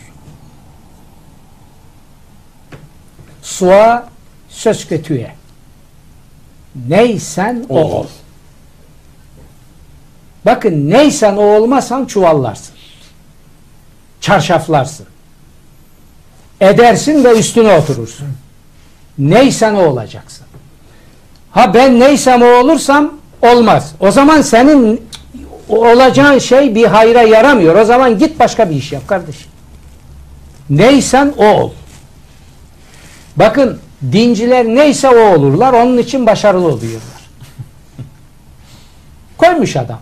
Diyor ki benim hedefim nihai ve kısa vadeli, orta vadeli, uzun vadeli hedefler. Uzun vadeli nihai hedef Anıtkabir'i yıkıp orada TOKİ'ye ihale ederek bir yandaşlar mahallesi kurmak. Tem nihai hedef bu. Batı bunu biliyor. 20 sene önce söyledim. Bunlara biz Anıtkabir'in üzerine size bir yandaşlar mahallesi yapmada yardımcı oluruz. Bunu sağlarız ama bir şartımız var. Kabe'yi de dümdüz ederiz. Ya. Dese Batı biliyor ki bunu kabul edecek şerefsizler İslam dünyasında vardır ve az değildir bunlar. Batı bunu biliyor. Ha şimdi tarihin diyalektiği buna müsaade edecek mi? Bilemem. Etmeyecek diye düşünüyorum. Çok beklerdi. Etmeyecek diye düşünüyorum. Ama budur. Yani şu adamlar işte soğa söz kötüye diyor ya özeti ha neyse o. Angutlar neyse o olmuyorlar. Kıvırıyor. Yarım gram ondan, yarım gram bundan, üç oy filan tarikatten, dört oy filan efendiden, beş oy filan kendini ilah ilan etmiş sahtekardan, filan mahalleden yarım sonu geliyor, sonunda çuvallıyor. Hepsi adeta nah sana diyor. Lan bunun hakikisi dururken be Angut sana sana niye adam teslim olsun? Sana niye tav olsun? Bunu hala anlamamış. Şimdi Allah'a yardımcı olun. Budur. Bir defa neysen o olacaksın. Ne diyor Kur'an? Maasallarını veriyorum. Diyor ki riyakarlığa tevessül ederek ibadet yapmaktansa işte Maun suresinin mesajı bu. Adam ben Maun suresini yazmışım 19 baskı yapmış. Bakar mısın Angut'a? Sana soruyor. Filan Diyanet İşleri Başkanı'na sordum. Dedim ki sen kediye ciğeri teslim edip sonra da yahni bekliyorsun akşama. Sen havanı alırsın dedim. O Diyanet İşleri Başkanı dediğin adamlar yüzünden Türkiye bu hallere geldi. Ve siz de bu rezilliklerin içindesiniz. Sen hala gidip on, beni ona çek ettiriyorsun öyle mi? yani. Utanmaz seni. Sen beni ona çek ettiriyorsun Şimdi gidip ve bunu biraz- açıp bana da söylüyorsun. Adama bakar mısın ya? İşi Şunun bilmiyormuş. ciğeri kaç para eder? Bu arada bu angut dediğimiz angut kuşu değil midir bu? Bunlar adam olur mu ya? Bir şey Tabii hocam. kuştur bu evet. Angut Benim kuşu değil midir? Tabii odur. Oradan gelir yani. Efendim? Angut ahmak demek. Yani Tamam angut anladım da ama angut noktası, kuşundan tabii. geliyor. Tabii. Ha olabilir. Çıkışı odur. Peki angut kuşunun bir özelliği. Etimolojisini Bilir misiniz? Evet, olur. Etimoloji Söyle. değil. Siz biliyor musunuz? Yo bilmiyorum ama Söyle. angut kuşunu Angut biliyorum. kuşunun bir özelliği vardır. Eşine en sadık kuştur. Bilir misiniz bunu? Bunlar da ahmaklıklarına sadıktırlar. Doğrudur. Gerçekten başka bir sadakat olduğu kesin yani. Tabii tabii tabii. Doğru. yani iyi Hani bazen diyorlar ya, istiyorum. bazen şöyle laflar duyarız. Yani Evet. bunlar için illa şart değil. İnadına işte bilmem sol. İnadına bilmem ne. Hep inadına İnadına bilmem sağ. İşte anladım. inadına ya inadına diye bir şey olur mu? Basiret ve akla göre olur. Lan inadına ne demek? Sen katır mısın? İnadına inadına diye bir şey olur mu ya? Sen katırdan daha beter öbürü müsün sen? Ne demek inadına ya? İş geliyor, işletilen akılda kilitleniyor. Peki şimdi hocam tam bu noktada şu 10. yıl marşı meselesine geçsek. Ona tam Size. geçmeden kameraya bir şey göstereyim mi? Buyurun. Ben e, bu El Cevap kitabımda e, Mustafa Kemal Atatürk'ün 1928 yılında bastırıp tam 239 sayfalık Muallim Cevdet yazarı da e, orduda okutulmak için hazırlatmış olduğu bir din kitabı var. Elimde orijinali de var. Bunu getirip burada da paylaşırız izleyicilerimizle ama şu fotoğrafı paylaşayım kapağına. Osmanlıcadır. Orada onun çözüm bu kamera şöyle gösterelim. Ya oku onu Osmanlıcayı herkes Ben okuyacağım. bilemez. Askeri Din Dersleri kitabının adı. Belge Bu olarak. 1928 tarihinde bastırılmış. Muallim Cevdet imzasıyla bastırılmış. Tabi şimdi orada tam olarak gözükmeyecek ekranda. Kaç yıl dediniz? 1928. 28. Yani Askeri laikliğin mi askeren? Bakayım şuna az. askeri. Ver bak. Askeri din dersleri. Ver bak. Onun şey olarak da 1900 1940'lı yıllarda yeni bir baskısı daha yapılmış hocam. Bu sefer Latin alfabesiyle yeni harflerle basılmış ve bu dağıtılmış. Bu sadece bir örnek. 235 bin takım kitaptan sadece bir örnek. Yani arada geçti ya hani bu meselelere hakimdir değildir tartışmaları mutlak sizde Atatürk'ün bilgisi dahilinde. Sizde e, tabii ki tabii ki bütün bunlar onun bilgisi dahilinde hazırlanmış şeyler. Ve bunlardan çok sayıda var. Fakat işte Yaşar Hoca'nın dediği noktaya geliyoruz. Burada kilitlendi. Yani bu meseleler kaçırıldı toplumun gözünden. Maalesef. Siz bir şey tahlil eder Şurayı da şurayı da okuyalım. Bakın. ha, onu da bakın bu, okuyun. bu çok Ben enteresan. altta şey yaptım okuyayım. Şimdi Erkan-ı Harbiye Ayrıca, Umumiye Riyaseti Celilesince Evet. açılan müsabakata birinciliği kazanarak Ya. kazanan bu esere ayrıca mükafatla taltif ve bütün ordulara resmen Ya. bakın tevzi olunmuştur. Ya. Resmen Erkan-ı Harbiye Umumiye dediği Genelkurmay. Genelkurmay Genelkurmay. yarışmaydı. açtığı yarışma sonucu birinciliği kazanan bu eser yazılmış ve Bir de içindekileri okuyun hocam Şu oradan ciddiyete, isterseniz. şu Ya, an tabii. ya eminim Hocam sadece bir örnek. Ve içeriğini okuduğunuzda ben onun tercümesini yapıp koydum içine. işte Hepsini değil bir kısmını. Dehşet. angut olmamak budur. Ama bunu ortaya koyduğunuz zaman aldığım mesajlar, aldığım hakaretler, iftiralar Atatürk'ü dindar gösteriyormuşuz. Arkadaşım ben bir şey göstermiyorum diyorum. Belge bu. Hayır ona, Belge bu. onu diyenlere Kitap bu. şunu sormuyor Ya bu musunuz? utanç- utanç bir dakika verici bir şunu şey. sormuyor musunuz Sinan Bey? Ne sorarsanız sorun. Atatürk'ü hayır dindar göstermek kabahatse Atatürk'ü dinsiz mi gösterelim? Yok, Daha e, mı tabii, iyi olur? tabii, tabii. Onu sorun. Daha Tabii zor. bir, ni değil o- onu istiyor. O kesin. Onu tabii o Onu istemiyor. istiyor. Şimdi ben Bu Kur'an utanç verici bir Kur'an şey. açısından Kur'an açısından laiklik. Ya. Ya ben bir ilim adamıyım. Bir fikir adamıyım. Kur'an uzmanlığıyla dünyanın tanıdığı bir adamım. Kur'an açısından şu, Kur'an açısından bu, Kur'an açısı benim Herhalde işim. o bu. alanda yazacaksınız. Şimdi yani. bunu yazıyorum ben. Mecliste milletvekiliyim. Bunu bizim dinci dediğimiz insanları oluk oluk geliyorlar. Beşer onar teşekkür ediyorlar. Ya bilmediğimiz neleri öğrendik bundan. Şimdi hakkı herkesin. Ya hakka saygım var benim. Söylüyorum. Hocam şu yayınladığımız belgede ilktir. Önemlidir. Öbürler de benim duyacağım şekilde kenarlarda. yani biz şimdi laikliği Kur'an'la mı izah edeceğiz? böyle fıs fıs halinde bana duyuruyorlar. Kuransız izah edince ne oluyor? Şimdi Ne olduğunu şimdi bir gün evet. dedim ki bir dakika. Orada dedim fıs fıs edip gitme. Dur. Şimdi.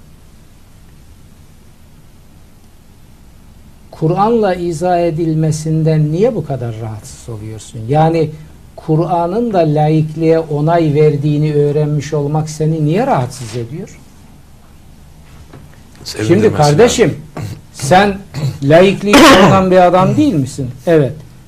E, 2 milyar Müslüman camianın dininin kitabı olan bir kitap da bunu destekliyor, tervic ediyorsa bu sana güç ve heyecan vermiyor mu? Lan sen ne biçim adamsın? Niçin bundan rahatsız oluyorsun? Ha, senin demek ki Allah, din ve Kur'an'a karşı vücudunda bir virüs, bir alerji var. Senin uyuzun var Kur'an'a karşı. Senin derdin bu. Bak sana destek verdiği halde bundan rahatsız oluyorsun. İşte angutluğun angutluğun adutluğa hiç farkında olmadan enerji aktarımı yaptığı noktalar buralardır. Hocam bu örnekler itinayla gizlenmiş Evet. bu milletten. Bunu da burada kamuoyuna duyuralım. Bu sadece bir örnek. Sadece ve bunun tarihine dikkat edin. 1928. 1928'in özelliği nedir yakın tarihimizde? Biliyorsunuz devletin dini İslam'dır diye bir madde var anayasada. O madde çıkarıldı. Şimdi o maddenin anayasadan çıkarılmasıyla anayasanın layıkleşmesini Atatürk'ün güya dinsizliğine, yeni rejimin dinsizliğine Şimdi kaynak aynı gösteriyorlar. adamlar ne diyorlar? Devletin dini olmaz diyor. Ha, ayrı, E, ayrı. laiklik odur zaten. Ayrı bir tartışma. Fakat ilginç olan nokta şu.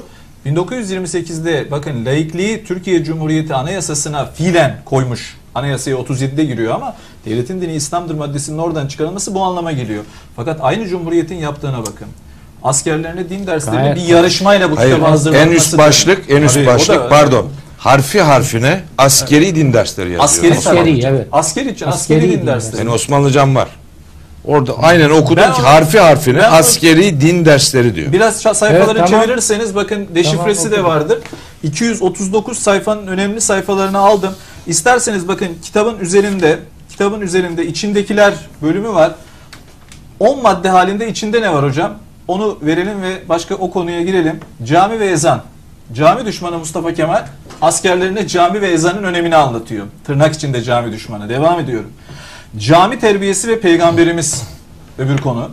Eski Müslümanlık ve Avrupa'da temizlik, peygamberimizin yemin usulü, neferler ve diş temizliği, frengi ne yapar? Bakar mısın? Askerler ve Bakar içki. mısınız? Hocam dikkat edin. Askerler ve içki. La ilahe illallah. Başlığın adı bu. Devam ediyorum. Peygamberimiz halkı nasıl terbiye etmiştir? Hazreti Muhammed kimdir? diye devam ediyor. Ve okuduğunuz zaman içeriği sizin incelemenizi bunu çok isterim. Çünkü hurafelerden ne kadar uzak olduğunu görüyorsunuz. 28 demiş. Biliyorum. 28. Tabii. Şimdi bir örnek. Sadece bir örnek. şimdi bakın Evet. Bunun gibi başka örneklerimiz var. Kitap içinde de var ama bakın tarihi mal. neysen o ol aynı zamanda kim neyse onu öyle tanıt Tabii. demektir. Hele Atatürk gibi tarih yaratmış bir insanı kendi hesabına dinsizliğinin hesabına uydurmak. Ya şimdi Atatürk'ü din karşıtı göstermek isteyenlerle Atatürk'ü dinsizleştirmek isteyenler Ortak paydada nasıl buluşuyor? ateş ve su gibi birbirine zıt oldukları halde burada Ya. müşterek çalışıyor. Önemli bir tespittir bu. Evet. Şimdi ben bir şey daha anlatacağım. Milletin vicdanına. Birkaç sene önce 6 7 8 6 7 sene önce her neyse. Yani siyasete girdikten sonra bir Atatürkçülüğüyle iştihar etmiş bir dernek konferans istedi benden. Başım üstüne. Defalarca verdik. Bir tanesi de Kadıköy'de bir yerde. Burada neydi? Gittim. O zaman başında bir paşa var. Derneğin genel başkanı. Sonra o paşa tutuklandı falan filan bilmem. Bahçe içinde bina. Bahçeye önce giriyorsun, sonra binaya giriyorsun, sonra salona çıkıyorsun. Girerken bahçenin kapısında ana caddede karşıladı beni başkan. Er Uygur Paşa mı? Ne öyle bir, Tamam, bir paşa. Evet, genel başkandı. Genelkurmay Başkanı. Yok efendim, paşa bir dernek başkanı. Derneğin başkanı o zaman. Genel Evet. Başkan. Evet, Evet, genel başkan. Girdik, konferansı Şimdi- verdik. Güzel, dinliyor insanlar. O arada o günlerde bir e, Kutlu Doğum Haftası münasebetiyle Genelkurmay Başkanlığı'nın sitesinde bir eleştiri. Ona hadi e-muhtıra bilmem ne falan Hı hı. filan bir şeyler dediler. Efendim onu eleştirdik. Ben de bir yer geldi dedim ki yani Genelkurmay bu işe niye girer? Çünkü Kutlu Doğum Haftası Hazreti Peygamber'in doğumu kutlanmış. Buna karşı çıkmak hoş bir şey değil. En azından girmesem bu işe. Bırak ilahiyatçılar falan filan. Bu, bu hoş bir şey değil dedim. Yani bu e, şaibe yaratır, lüzumsuz eleştiriler getirir ve bir takım haksızlıklara gerekçe olarak kullanılır. Konferans bitti. 3 saat filan konuştum. Çıktım. Başkan ortalarda yok. Aradan bir iki hafta geçti. Yaşar Okuyan ağa ismini veriyorum. Söylemiş. Çıkarken adam beni görmesin diye salonu terk etmiş. Ve demiş ki biz onu bir adam zannediyorduk. Allah Allah. O Evet. boyutta. Getirdik, konuştu. İşte şöyle bir eleştiri yaptı. Yani bu eleştiriyi yapınca ben adam olmaktan çıktım. Ha ne yapacağız? Siz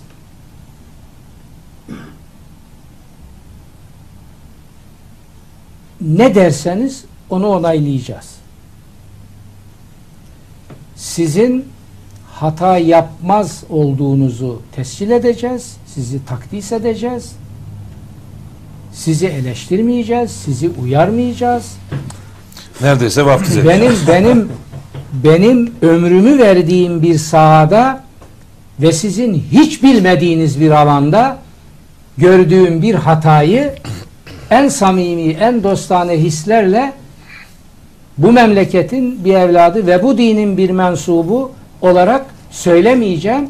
Söyledim mi sen beni girerken bahçe kapısında karşılayan adam bu sözü, bu eleştiriyi yaptığım için salonu terk edeceksin ve çıkarken orada olmayacaksın derler.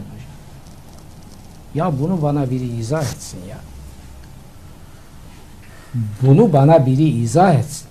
Bence onun izah edilecek tarafı yok. Sizinle ilgili izah edilecek tarafı var. O da dürüst bir adam olduğunuzdur. Yani dümen suyuna uymak için konuşmuyorsunuz. Şu Asla. konuya geçelim hocam. Evet. Bence buradan çıkacak Evet. sonuç budur Bir bu şey- arada. Yani Asla. aklıma o geldi. Bir şey daha gösterip hemen o konuya geçelim. Az önce gördüğümüz kitaba benzer bir kitap da 1945 yılında hazırlanmış hocam. Bakın burada da askeri din kitabı adı. iki cilttir bu. Ee, Ahmet Hamdi Akseki tanırsınız bilirsiniz. Diyanet İşleri Başkanı. Eski Diyanet İşleri Başkanı ve onun hazırladığı bu çalışmanın orijinali de yine elimde var benim. Burada ondan da Ve müdafaa hukukun önemli isimlerinden, isimlerinden, biri. biri. Tabii. Çok ciddi hizmetleri olmuş o dönemde ama kaybolup gitmiş maalesef. Yani anlatılmamış, edilmemiş. Ya en azından tarih, yakın tarih Yo, üzerine. Şimdi yok, Sinan yok. Bey vakit daraldı Senelerce var. okullarında da onun istedim. İslam dini kitabı Ha. okutuldu. Ben de okuyanlardan biriyim. Evet. Yani Ahmet Hamdi Aksekili öyle unutulmuş falan Tarih değil. anlatımlarında, yakın Yok. tarih anlatımlarında, Cumhuriyet tarihi anlatımlarında yok. İmam yani. Hatip okulları orada- arka ha. bahçeye dönüştürüldükten Şimdi- sonra Heh. bunlar Mustafa Kemal'in ajanlarıydı diye hepsi tek tek Elmalılı'yı bile dışladılar. Dışladılar evet. Şimdi tabi ticari e, bir kazanç kapısı olduğu için Elmalı'ya sahip çıkıyorlar. Yoksa onun da sıfatı Mustafa? Kemal'in ajanıydı. Evet. Gayet tabi. Evet şimdi, Şimdi şöyle Evet. bir konu var. Ee, Balta şey yani Muhammed Balta isminde bir e, beyefendi. Evet. Ee, Görüntümüz de var istersen. vereceğiz, söyleyeceğim. Ee, bu e, bakanlığın Evet. müsteşarı değil mi arkadaş? Yoksa Balta- bir müşavir mi? Bakan yardımcı diye Balta soyadı Peki. var. Kazma soyadı var mı? kazma soyadı da var. Var mı? Yani ben adını hatırlamadığım için Balta Şey, dedim tam bu olarak arada. söyleyelim bakın Çevre ve Şehircilik Bakan Yardımcısı. Hat- Bakan yardımcısı. Bakan Tamam. Yardımcısı tabii. Adı güzel de soyadı da güzel ayrıca. Muhammed Balta isminde bir beyefendi. Evet. Ee, şu 10. yıl marşına Evet. atfen biraz ona atıfta bulunarak daha doğrusu orada diyor ya 10 yılda 15 milyon genç yarattık işte demir ağlarla ördük ana yurdu dört baştan filan falan bir Evet, sözleri evet, var değil mi evet, bunun? Tabii tabii. O dönem ne demir yolu yapıldı ki demiş. Öyle Şimdi yani. sizin e, üslubunuzda şu var. Can Yani- yeni değil onu başbakan da söyledi. Oradan ilham alarak söylüyor Şimdi zaten. tamam zaten Onu yani kaynakları var onların Tabii da. onu konuşacağız. Yani baltayla kazmaya gitmeye lüzum yok. Onu zaten başlarındaki Başbakan- söyledi. Ona Ya şimdi hocam geçen cevap hafta bir başka kanalda bir laf söyledik. Dedikodusunu çıkardılar. Şimdi balta diye lafa girdik diye bir şey mi ima Yok, ettin diyecekler sayın- benim için. Sayın Balta, soyadı Balta yani. Ben soya bir Tabii. balta dedi. Bir Muhammed balta demedim. Balta yani. Muhammed önce soyadını Şey söyledim. diyelim, Mesela Sayın Ecevit Balta- denir ya. Sayın Sonra Balta- Bülent Ecevit denir. Sayın Balta diyelim. O anlamda söyledim. Evet Sayın Balta böyle bir laf etmiş. Evet. Şimdi diyorum ki e, Yani şunu diyebilirler kardeşim. Yani ben bıyıkları Evet, bıraktım şimdi muziplik tuttu beni. Şimdi yani Hakan Hakan Bayrakçı baltayı taşa vurduğunu mu söylemek istiyor? Onu mu Balta demek baltayı taşa vurdu. Gibi Evet, o- falan. O, güzel efendim ifade şunu oldu. tamam. Sayın Balta. Şi- şöyle ya bir başka programda bir sürçülisan oldu. Hakikaten o sürçülisandı. Bu da sürçülisan ama bu sürçülisan değil. Dedim ki Balta demiş ki dedim. Evet evet böyle başladı. Böyle başladım. Soyadını hatırladım adamın. Adı da Muhammed Balta yani. Evet. Ee, bir muazzam bir laf buyurmuş. Ee, şimdi diyorum ki Evet. ya ben biliyorum da Sinan Bey biraz millete belgeyle, rakamla Gösterelim tabii. Evet yani Devlet- demiryolu ne yapıldı? doğru. Atatürk ne demiryolu yaptı? Evet, Birazcık şunu e, konuşalım. Yaşar hocam Ya e, güzel iyi de çok kısa cevap şimdi bu baltaları kazmaları her neyse. Hocam. Ya mesela kazma diye soyad da var dedin Yok, sen balta. ya. Var canım Kazma- Gayet, soyad gayet olmaz ya? ciddi Var, var. konuşuyorum. Tabii. Bu baltalar, kazmalar falanlar filanlar, oraklar, çekiçli her neyse. Şimdi bunlarla Mustafa Kemal mukayesesi yapmak Mukayese değil hocam. beni rahatsız Hayır ediyor verdiği ya. bilgi kamu. Ya bunlar Mustafa Kemal'in Evet. o çizmelerinin altındaki tartışmasız. çamur Bunu olabilirler. tartışabilir miyiz hocam? Peki buna girmeden şu veteremizi bir tane veteremiz var. izleyip ondan Gamzeciğim sonra- şu vetereyi bir verelim. Daha iyi gösteri belgeleri ortaya koyalım. Eğer bu ülkede Marmara yapılmışsa bu Marmara'ya karşı çıkan insanlara bakmak lazım.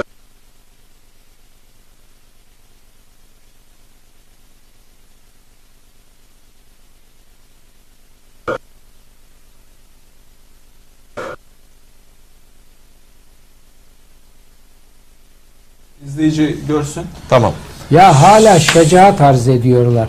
Evet. Sokaklarda patlamış kanalizasyon pisliği gibi yayılan pisliklerden ayaklarımızı basacak yer bulmakta zorluk çekiyoruz. Şuraya bakar mısın? Eğer bu Hah. Tamam mıyız? VTR'yi verebiliyor muyuz? ülkede Marmara yapılmışsa bu Marmara'ya karşı çıkan insanlara bakmak lazım. Tüp geçit yapılıyorsa bunlara bakmak lazım. Eğer İstanbul İzmir otoyolu yapılıyorsa kim bunlara karşı arkadaş bunlara bakmak lazım. Ankara İstanbul eğer tren yolu yapılıyorsa kim bunları engellemeye çalışıyor hızlı tren yolu? Ankara Eskişehir yapılmış, Ankara Konya yapılmış.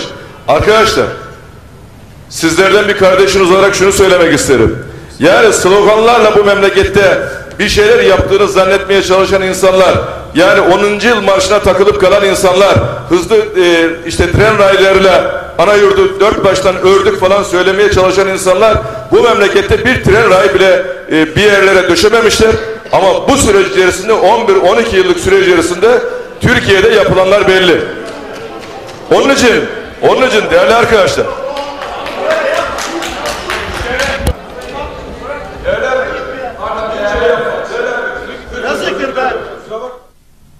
millet Şimdi şey yaptı, tabii çıktı. salonda o tepkiler var. Tepkiyi ortaya de bilimsel olarak yanılıyoruz. Şimdi bakın O hay- tren diyor Tabii. 39 kişinin Evet. katlinde azmettirici oldular o tren hızlı tren meselesiyle. Onları söylemiyor tabii. Orada tabi zula edilen paraların hatta onlar ileride çıkacak hepsi ortaya. Abdüllatif Şener'in bu ekranlardan söylediği bir sözü hiç unutmayalım. Defalarca ve altını çize çize. Bunlar rant, kasa kese doldurma aracı yapmasalar, yapamayacaklarını bilseler, Yapmazlar diyor. bir karış yol yapmazlar, bir tek bina yapmazlar.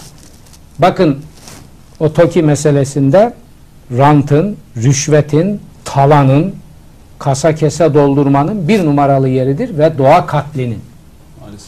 Şimdi o oradan hem talan olduğu için Allah bunları sorumlu tutacak, lanetleyecek hem de doğayı katlettikleri için. Hazreti Peygamber'in üç bedduasını unutmayalım. Biri doğanın dengelerini bozanlar, doğayı tahrip edenler. iki paraya kulköle olanlar. İkisi de orada var. Evet şimdi Sayın Balta'ya cevap verelim mi hocam? Baltaya da ver, Say- kazmaya da tenezzül ediyor. Şimdi Hocam sayın- soyadı verelim, balta verelim. kazma Çünkü- olanlar var. Çünkü Sayın Balta anlaşılan tabii bunları okumamış, etmemiş. Sayın Başbakan ne derse onu tekrarlamış. Bu maalesef böyle. Sayın Başbakan 17 Ağustos 2012'de bakın ne demiş hocam. Sayın Balta'yı anlamak açısından. Biliyorsunuz 10. yıl marşında geçer. Demir ağlarla ördük falan. Neyi ördün? Hiçbir şey falan örmüş değilsin. Ortada duranlar belliydi. Demir ağlarla şimdi Türkiye'yi biz örüyoruz. Yani Sayın Balta'ya da fazla kızmamak lazım. Çünkü 2012'de Sayın Başbakan canım, Recep Tayyip ya. Erdoğan bunu söyleyince Sayın Balta da bunu söyler tabii normal. Şimdi gelelim Sayın Recep Tayyip Erdoğan ve Sayın Balta'nın e, bu ifadelerine ne kadar tarihsel gerçeklere uygun. Birkaç rakam paylaşayım El Cevap kitabından. Şimdi orada Ve o, günlerde, o günlerde Fatih Evet. Altaylı'nın demin adı geçti. Evet. Dedik ama bir hakkı var ben onu bir kitabıma da aldım. Diyor ki o, o, de, o demeç üzerine. Evet. Neyi 2012'deki ördünüz? Biz şimdi örüyoruz. Diyor ki bak aynen. Sizin Atatürk'ten beri sizin hepinizi toplasam ve 20 ile çarpsam Atatürk'ün çizmesine çamur olmazsınız. Yazdı öyle bir şey evet. Evet. Hatırlıyorum. Canım, Evet, şimdi muhalif şu- olduğu tescilli yani. de Evet şimdi şu neyse. rakamları ortaya koyalım isterseniz. Bakın ben özet geçeceğim. Burada çok bütün Türk demiryolu tarihini anlatıyorum ama özetleyeyim. Bakın 1923-1950 yılları arasında yani hiçbir şey yapılmadı. Neyi ördünüz diye eleştirilen dönemde yani Atatürk döneminde ve İnönü döneminde tek parti döneminde diyelim. Toplam 3579 kilometre yeni demiryolu yapılmış bakın. 3579 kilometre fakir cumhuriyet yeni demiryolunu yapmış. Beş kuruş Ya- para yok. Yok ona da geleceğim. Devam edeyim bakın. 1950 yılına geldik. Demokrat Parti kuruldu. 1950-1958 arasındaki istatistik var elimde. 58'den sonrası yok. 2 yıllık süre. 1950-1958 arasındaki Demokrat Parti döneminde lütfen rakama dikkat edin. Savaş yok. Hiçbir şey yok ülkede. Ekonomi iyi durumda deniyor biliyorsunuz. Yapılan demiryolu e, kilometresi 266 kilometre. Yani ekonomide mucize Karayoluna yaratan- ağırlık vermişti de o yüzden. Mucize yaratan Sıfır. Demo- Demokrat Parti'nin güya yaptığı demiryolu sıfır. Yok denir. 266 kar- Karayol- karayoluna, karayoluna döndüler de onun Hilt raporu var biliyorsunuz. E, Trumborg raporu var. Karayoluna dönüldü. Onlara girmeyeceğim. Tabii Araba- karayoluna Evet. dönüldü. 51 Türkiye'nin bütçesinin yüzde 60 Oraya küsürü petrole or- gidiyor. Oraya gitti. Otomotiv Tabii. sanayine çünkü. Şimdi devam ediyoruz. 1951-2003 arasında bakın. Yani Demokrat Parti'den sonra AKP iktidar oluncaya kadar yapılan demiryolunu veriyorum. Bu da ilginç bir rakam. Toplam 945 kilometre. Yani AKP iktidara gelinceye kadar bütün Cumhuriyet hükümetlerinin yaptığı Atatürk dönemi hariç, tek parti dönemi hariç yapılan demiryolu kilometresi 945 kilometre. Şimdi şöyle hızlı özetleyerek AKP dönemine geleceğim. 23 Gelmeden bir şey söyleyeyim özür Evet. dilerim. Bakın şurada tablosu da var. Hayır hayır göstereceksiniz Aa, de. göstereceğim. Şu var. Evet. Bütün temel hatları Atatürk ve İnönü dönemi yapmış. Bir de onun için az Onu oluyor. göstereceğim. Heh, onu tamam. birazdan göstereceğiz tabii. Elimizde çok önemli bir belge var. Bakın 1923-1938 arasındaki sadece Atatürk döneminde yani sadece Atatürk'ün yaptığı demiryolu e, kilometresi 3186 kilometre. Sayın Balta yani siz ne yaptınız? Hiç demiryolu yapmadınız dediniz ya az önce. Bakın 3186 kilometre lütfen bunu bir yere not edin. Çünkü birazdan bir kıyaslama yapacağız. 1939-49 arasında yani İnönü 2. Dünya Savaşı yılları tek parti CHP. O dönemde yapılan demiryolu e, kilometresi düşük 393 kilometre ama Menderes'ten yine fazla. 393. Toplamda Atatürk ve İnönü dönemlerinde yapılan, tek parti döneminde yapılan demiryolu kilometresini tekrar veriyorum. 3579 kilometre. Bunu da not etsin izleyiciler. 1950 1959 Menderes dönemi 266 kilometreydi. 60 2003 arasındaki dönem 670 kilometre 679 kilometre. Şimdi geliyoruz AKP dönemine. Türkiye Cumhuriyeti Devlet Demir Yolları'nın resmi e, belgelerinden aldığım ve burada dipnotunda da onu bulabilirler. Rakamı veriyorum bakın. Türkiye Cumhuriyeti Devlet Demir Yolları'nın verilerine göre 2002-2012 arasındaki 10 yıllık AKP iktidarı döneminde 1085 kilometre demiryolu inşa edilmiştir. Mustafa Kemal'in fakir cumhuriyeti tekrar ediyorum 1923 1938 arasında ne kadar inşa etmişti? 3186. KDV'si bile değil ödülleri. Sayın Balta, AKP'nin iktidarı döneminde ise inşa edilen demiryolu 2012 rakamları itibariyle 1085 kilometre. Bugün hızlı trendir, şudur budur. Gelirken baktım özellikle şu an itibariyle ne kadardır diye şunu söyleyeyim. Bütün zorlamalarıma rağmen Atatürk döneminin tek parti dönemini yani 1950'ye kadar olan dönemin demiryolu kilometresini geçmiş değiller hocam. E peki o zaman çıkıp da niye bu tarihsel gerçekleri çarpıtıyorsunuz? Şimdi bir belge gösterelim. Sayın Bir Hakan- rakam daha var geçmeyin. Atatürk döneminde yapılan 3100 küsür kilometrenin 186 kilometre. 3100 3086 mı? 3186. 3186 1938 sonrası günümüze kadar toplam yapılan demiryolu bunun kadar değil. Değil. Heh. İşte ilginç olan bu. E Şimdi siz bunu görmezlikten geliyorsunuz. Öbür taraftan diyorsunuz ki ne yaptınız? Neyi ördünüz? Ya ama ayıptır. Olmaz bu. Elimde bir belge var bakın. Sinan Meydan'ın El Cevap kitabında yazılanlara inanmadınız. O zaman Devlet Demiryolları'nın resmi yayın org- organı baskı tarihine lütfen dikkat edelim. Yaklaştırırsanız. 1958. Yani demin verdiğim rakamların çoğunu buradan aldım. Yani Menderes döneminde hazırlanmış bir resmi devlet kaynağı. Ve orada hazırlanan bir harita var. Hakan Bey şöyle yardımcı olursanız demir ağları şöyle bir görelim. Neyi ördü Mustafa Kemal ve Cumhuriyeti kuranlar bir görelim. Utanmazlar. Şuradaki örümcek ağlarını görüyor musunuz sevgili izleyiciler? Nankör. Ve bakın burada demin Hakan Bey iyi bir noktaya temas etti. Ana hatların tamamı inşa edilmiştir. Sadece Antalya hattı hariç. Bakın Karadeniz'den başlayan Sinop'tan Antalya'ya inen bir hat vardı. O hala yapılabilmiş değil. O hat dışında Cumhuriyet bütün ana arterleri inşa etti ve kuzey-güney bağlantılı inşa etti hocam. Şu şekilde işlevsel. Peki Osmanlı dönemindeki demiryolu hatları nasıldı? Ağaç görünümündeydi. Bakın buraya dikkat. Ağaç görünümünde. Neden ağaç görünümünde? Çünkü Anadolu'nun ortasına kadar geliyor. Oradaki tarım alanlarındaki madenlerdeki madeni ve tarım ürünlerini alıyor. Nerelere götürecek? Limanlara. Ve bir an önce Avrupa'ya bunları sevk etmek için ağaç görünümündeydi ve Ankara'nın doğusuna demir yolu yap, yapmazdı emperyalizm bakın. Sarıkamış'ta o kadar kayıp vermemizin nedenlerinden bir tanesi Tabii, budur. tabii, tabii, Çünkü tabii, askeri tabii. yürüyerek götürmek zorunda kaldık oralara. Şimdi bütün bu gerçekleri milletten saklayıp yeni bir tarih yazıp paralel tarih diyorum ben buna. Hani Sayın Başbakan paralel yapıp paralelde e bir de paralel tarih var. E peki paralel tarihi yazan kim? AKP ve cemaat işbirliği içinde Atatürk Cumhuriyeti'ni eleştiren, onu yok sayan, eleştireni bir kenara koy, yok sayan yeni bir tarih yazıyorlar. Bu paralel tarih. Bu paralel tarihin kahramanı kim? Vahdettinler, İskilipli Atıflar. Hocam, Şeyh Saidler.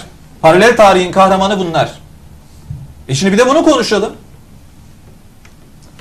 Evet Sayın Balta, e, zannedersem cevabınızı Güzel aldınız. rakamlar evet, Evet. verdiniz. Şimdi aslında e, ne kadar vaktimiz kaldı şu an çok bilmiyorum da ne kadar var Gamze?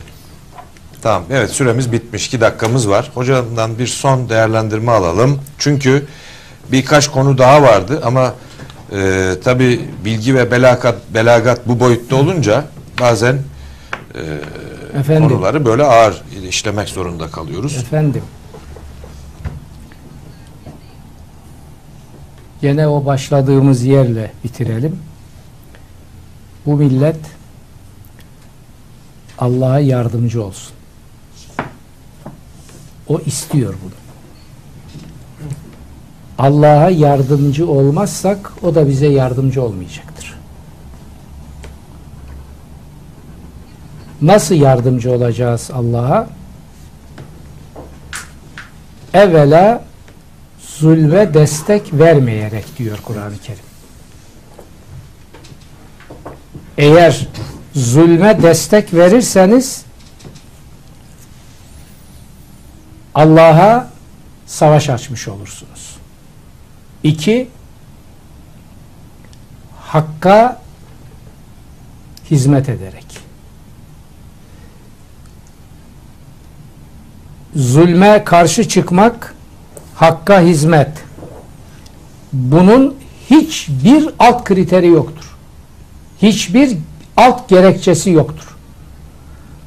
Bunu hatta Kur'an-ı Kerim bunu dinle de irtibatlandırmamıştır. Zulme karşı çıkmak mutlak bir değerdir. Diyor ki bu da Nisa suresi 75. ayettir. Evrenselliğin ana beyinelerinden biridir. Size ne oluyor da diyor. Tabir aynen böyle girişi ayetin. Uzunca bir ayet. Size ne oluyor da? Yeryüzünün orasında burasında. Bakın din, min falan böyle bir kayıt yok. Yeryüzünün orasında burasında. Zulme maruz kaldığı için Allah'ım bize bir yardımcı gönder.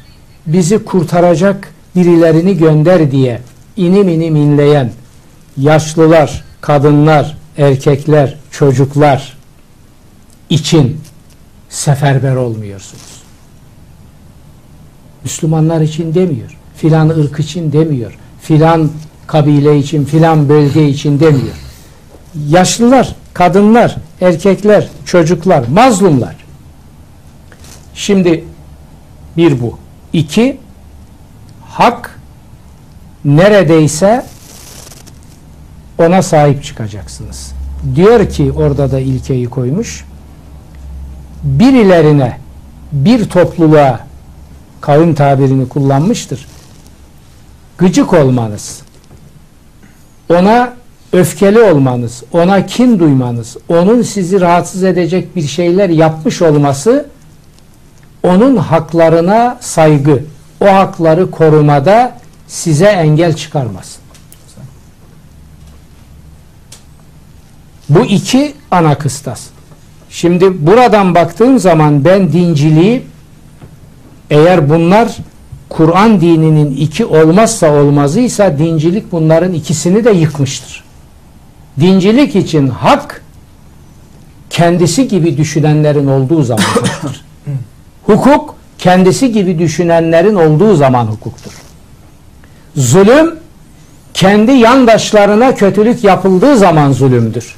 Kendinden olmayanlara yapıldığı zaman ibadettir ve meziyettir. Böyle bir Allahsızlık olur mu? Bunun neresi dindir imandır?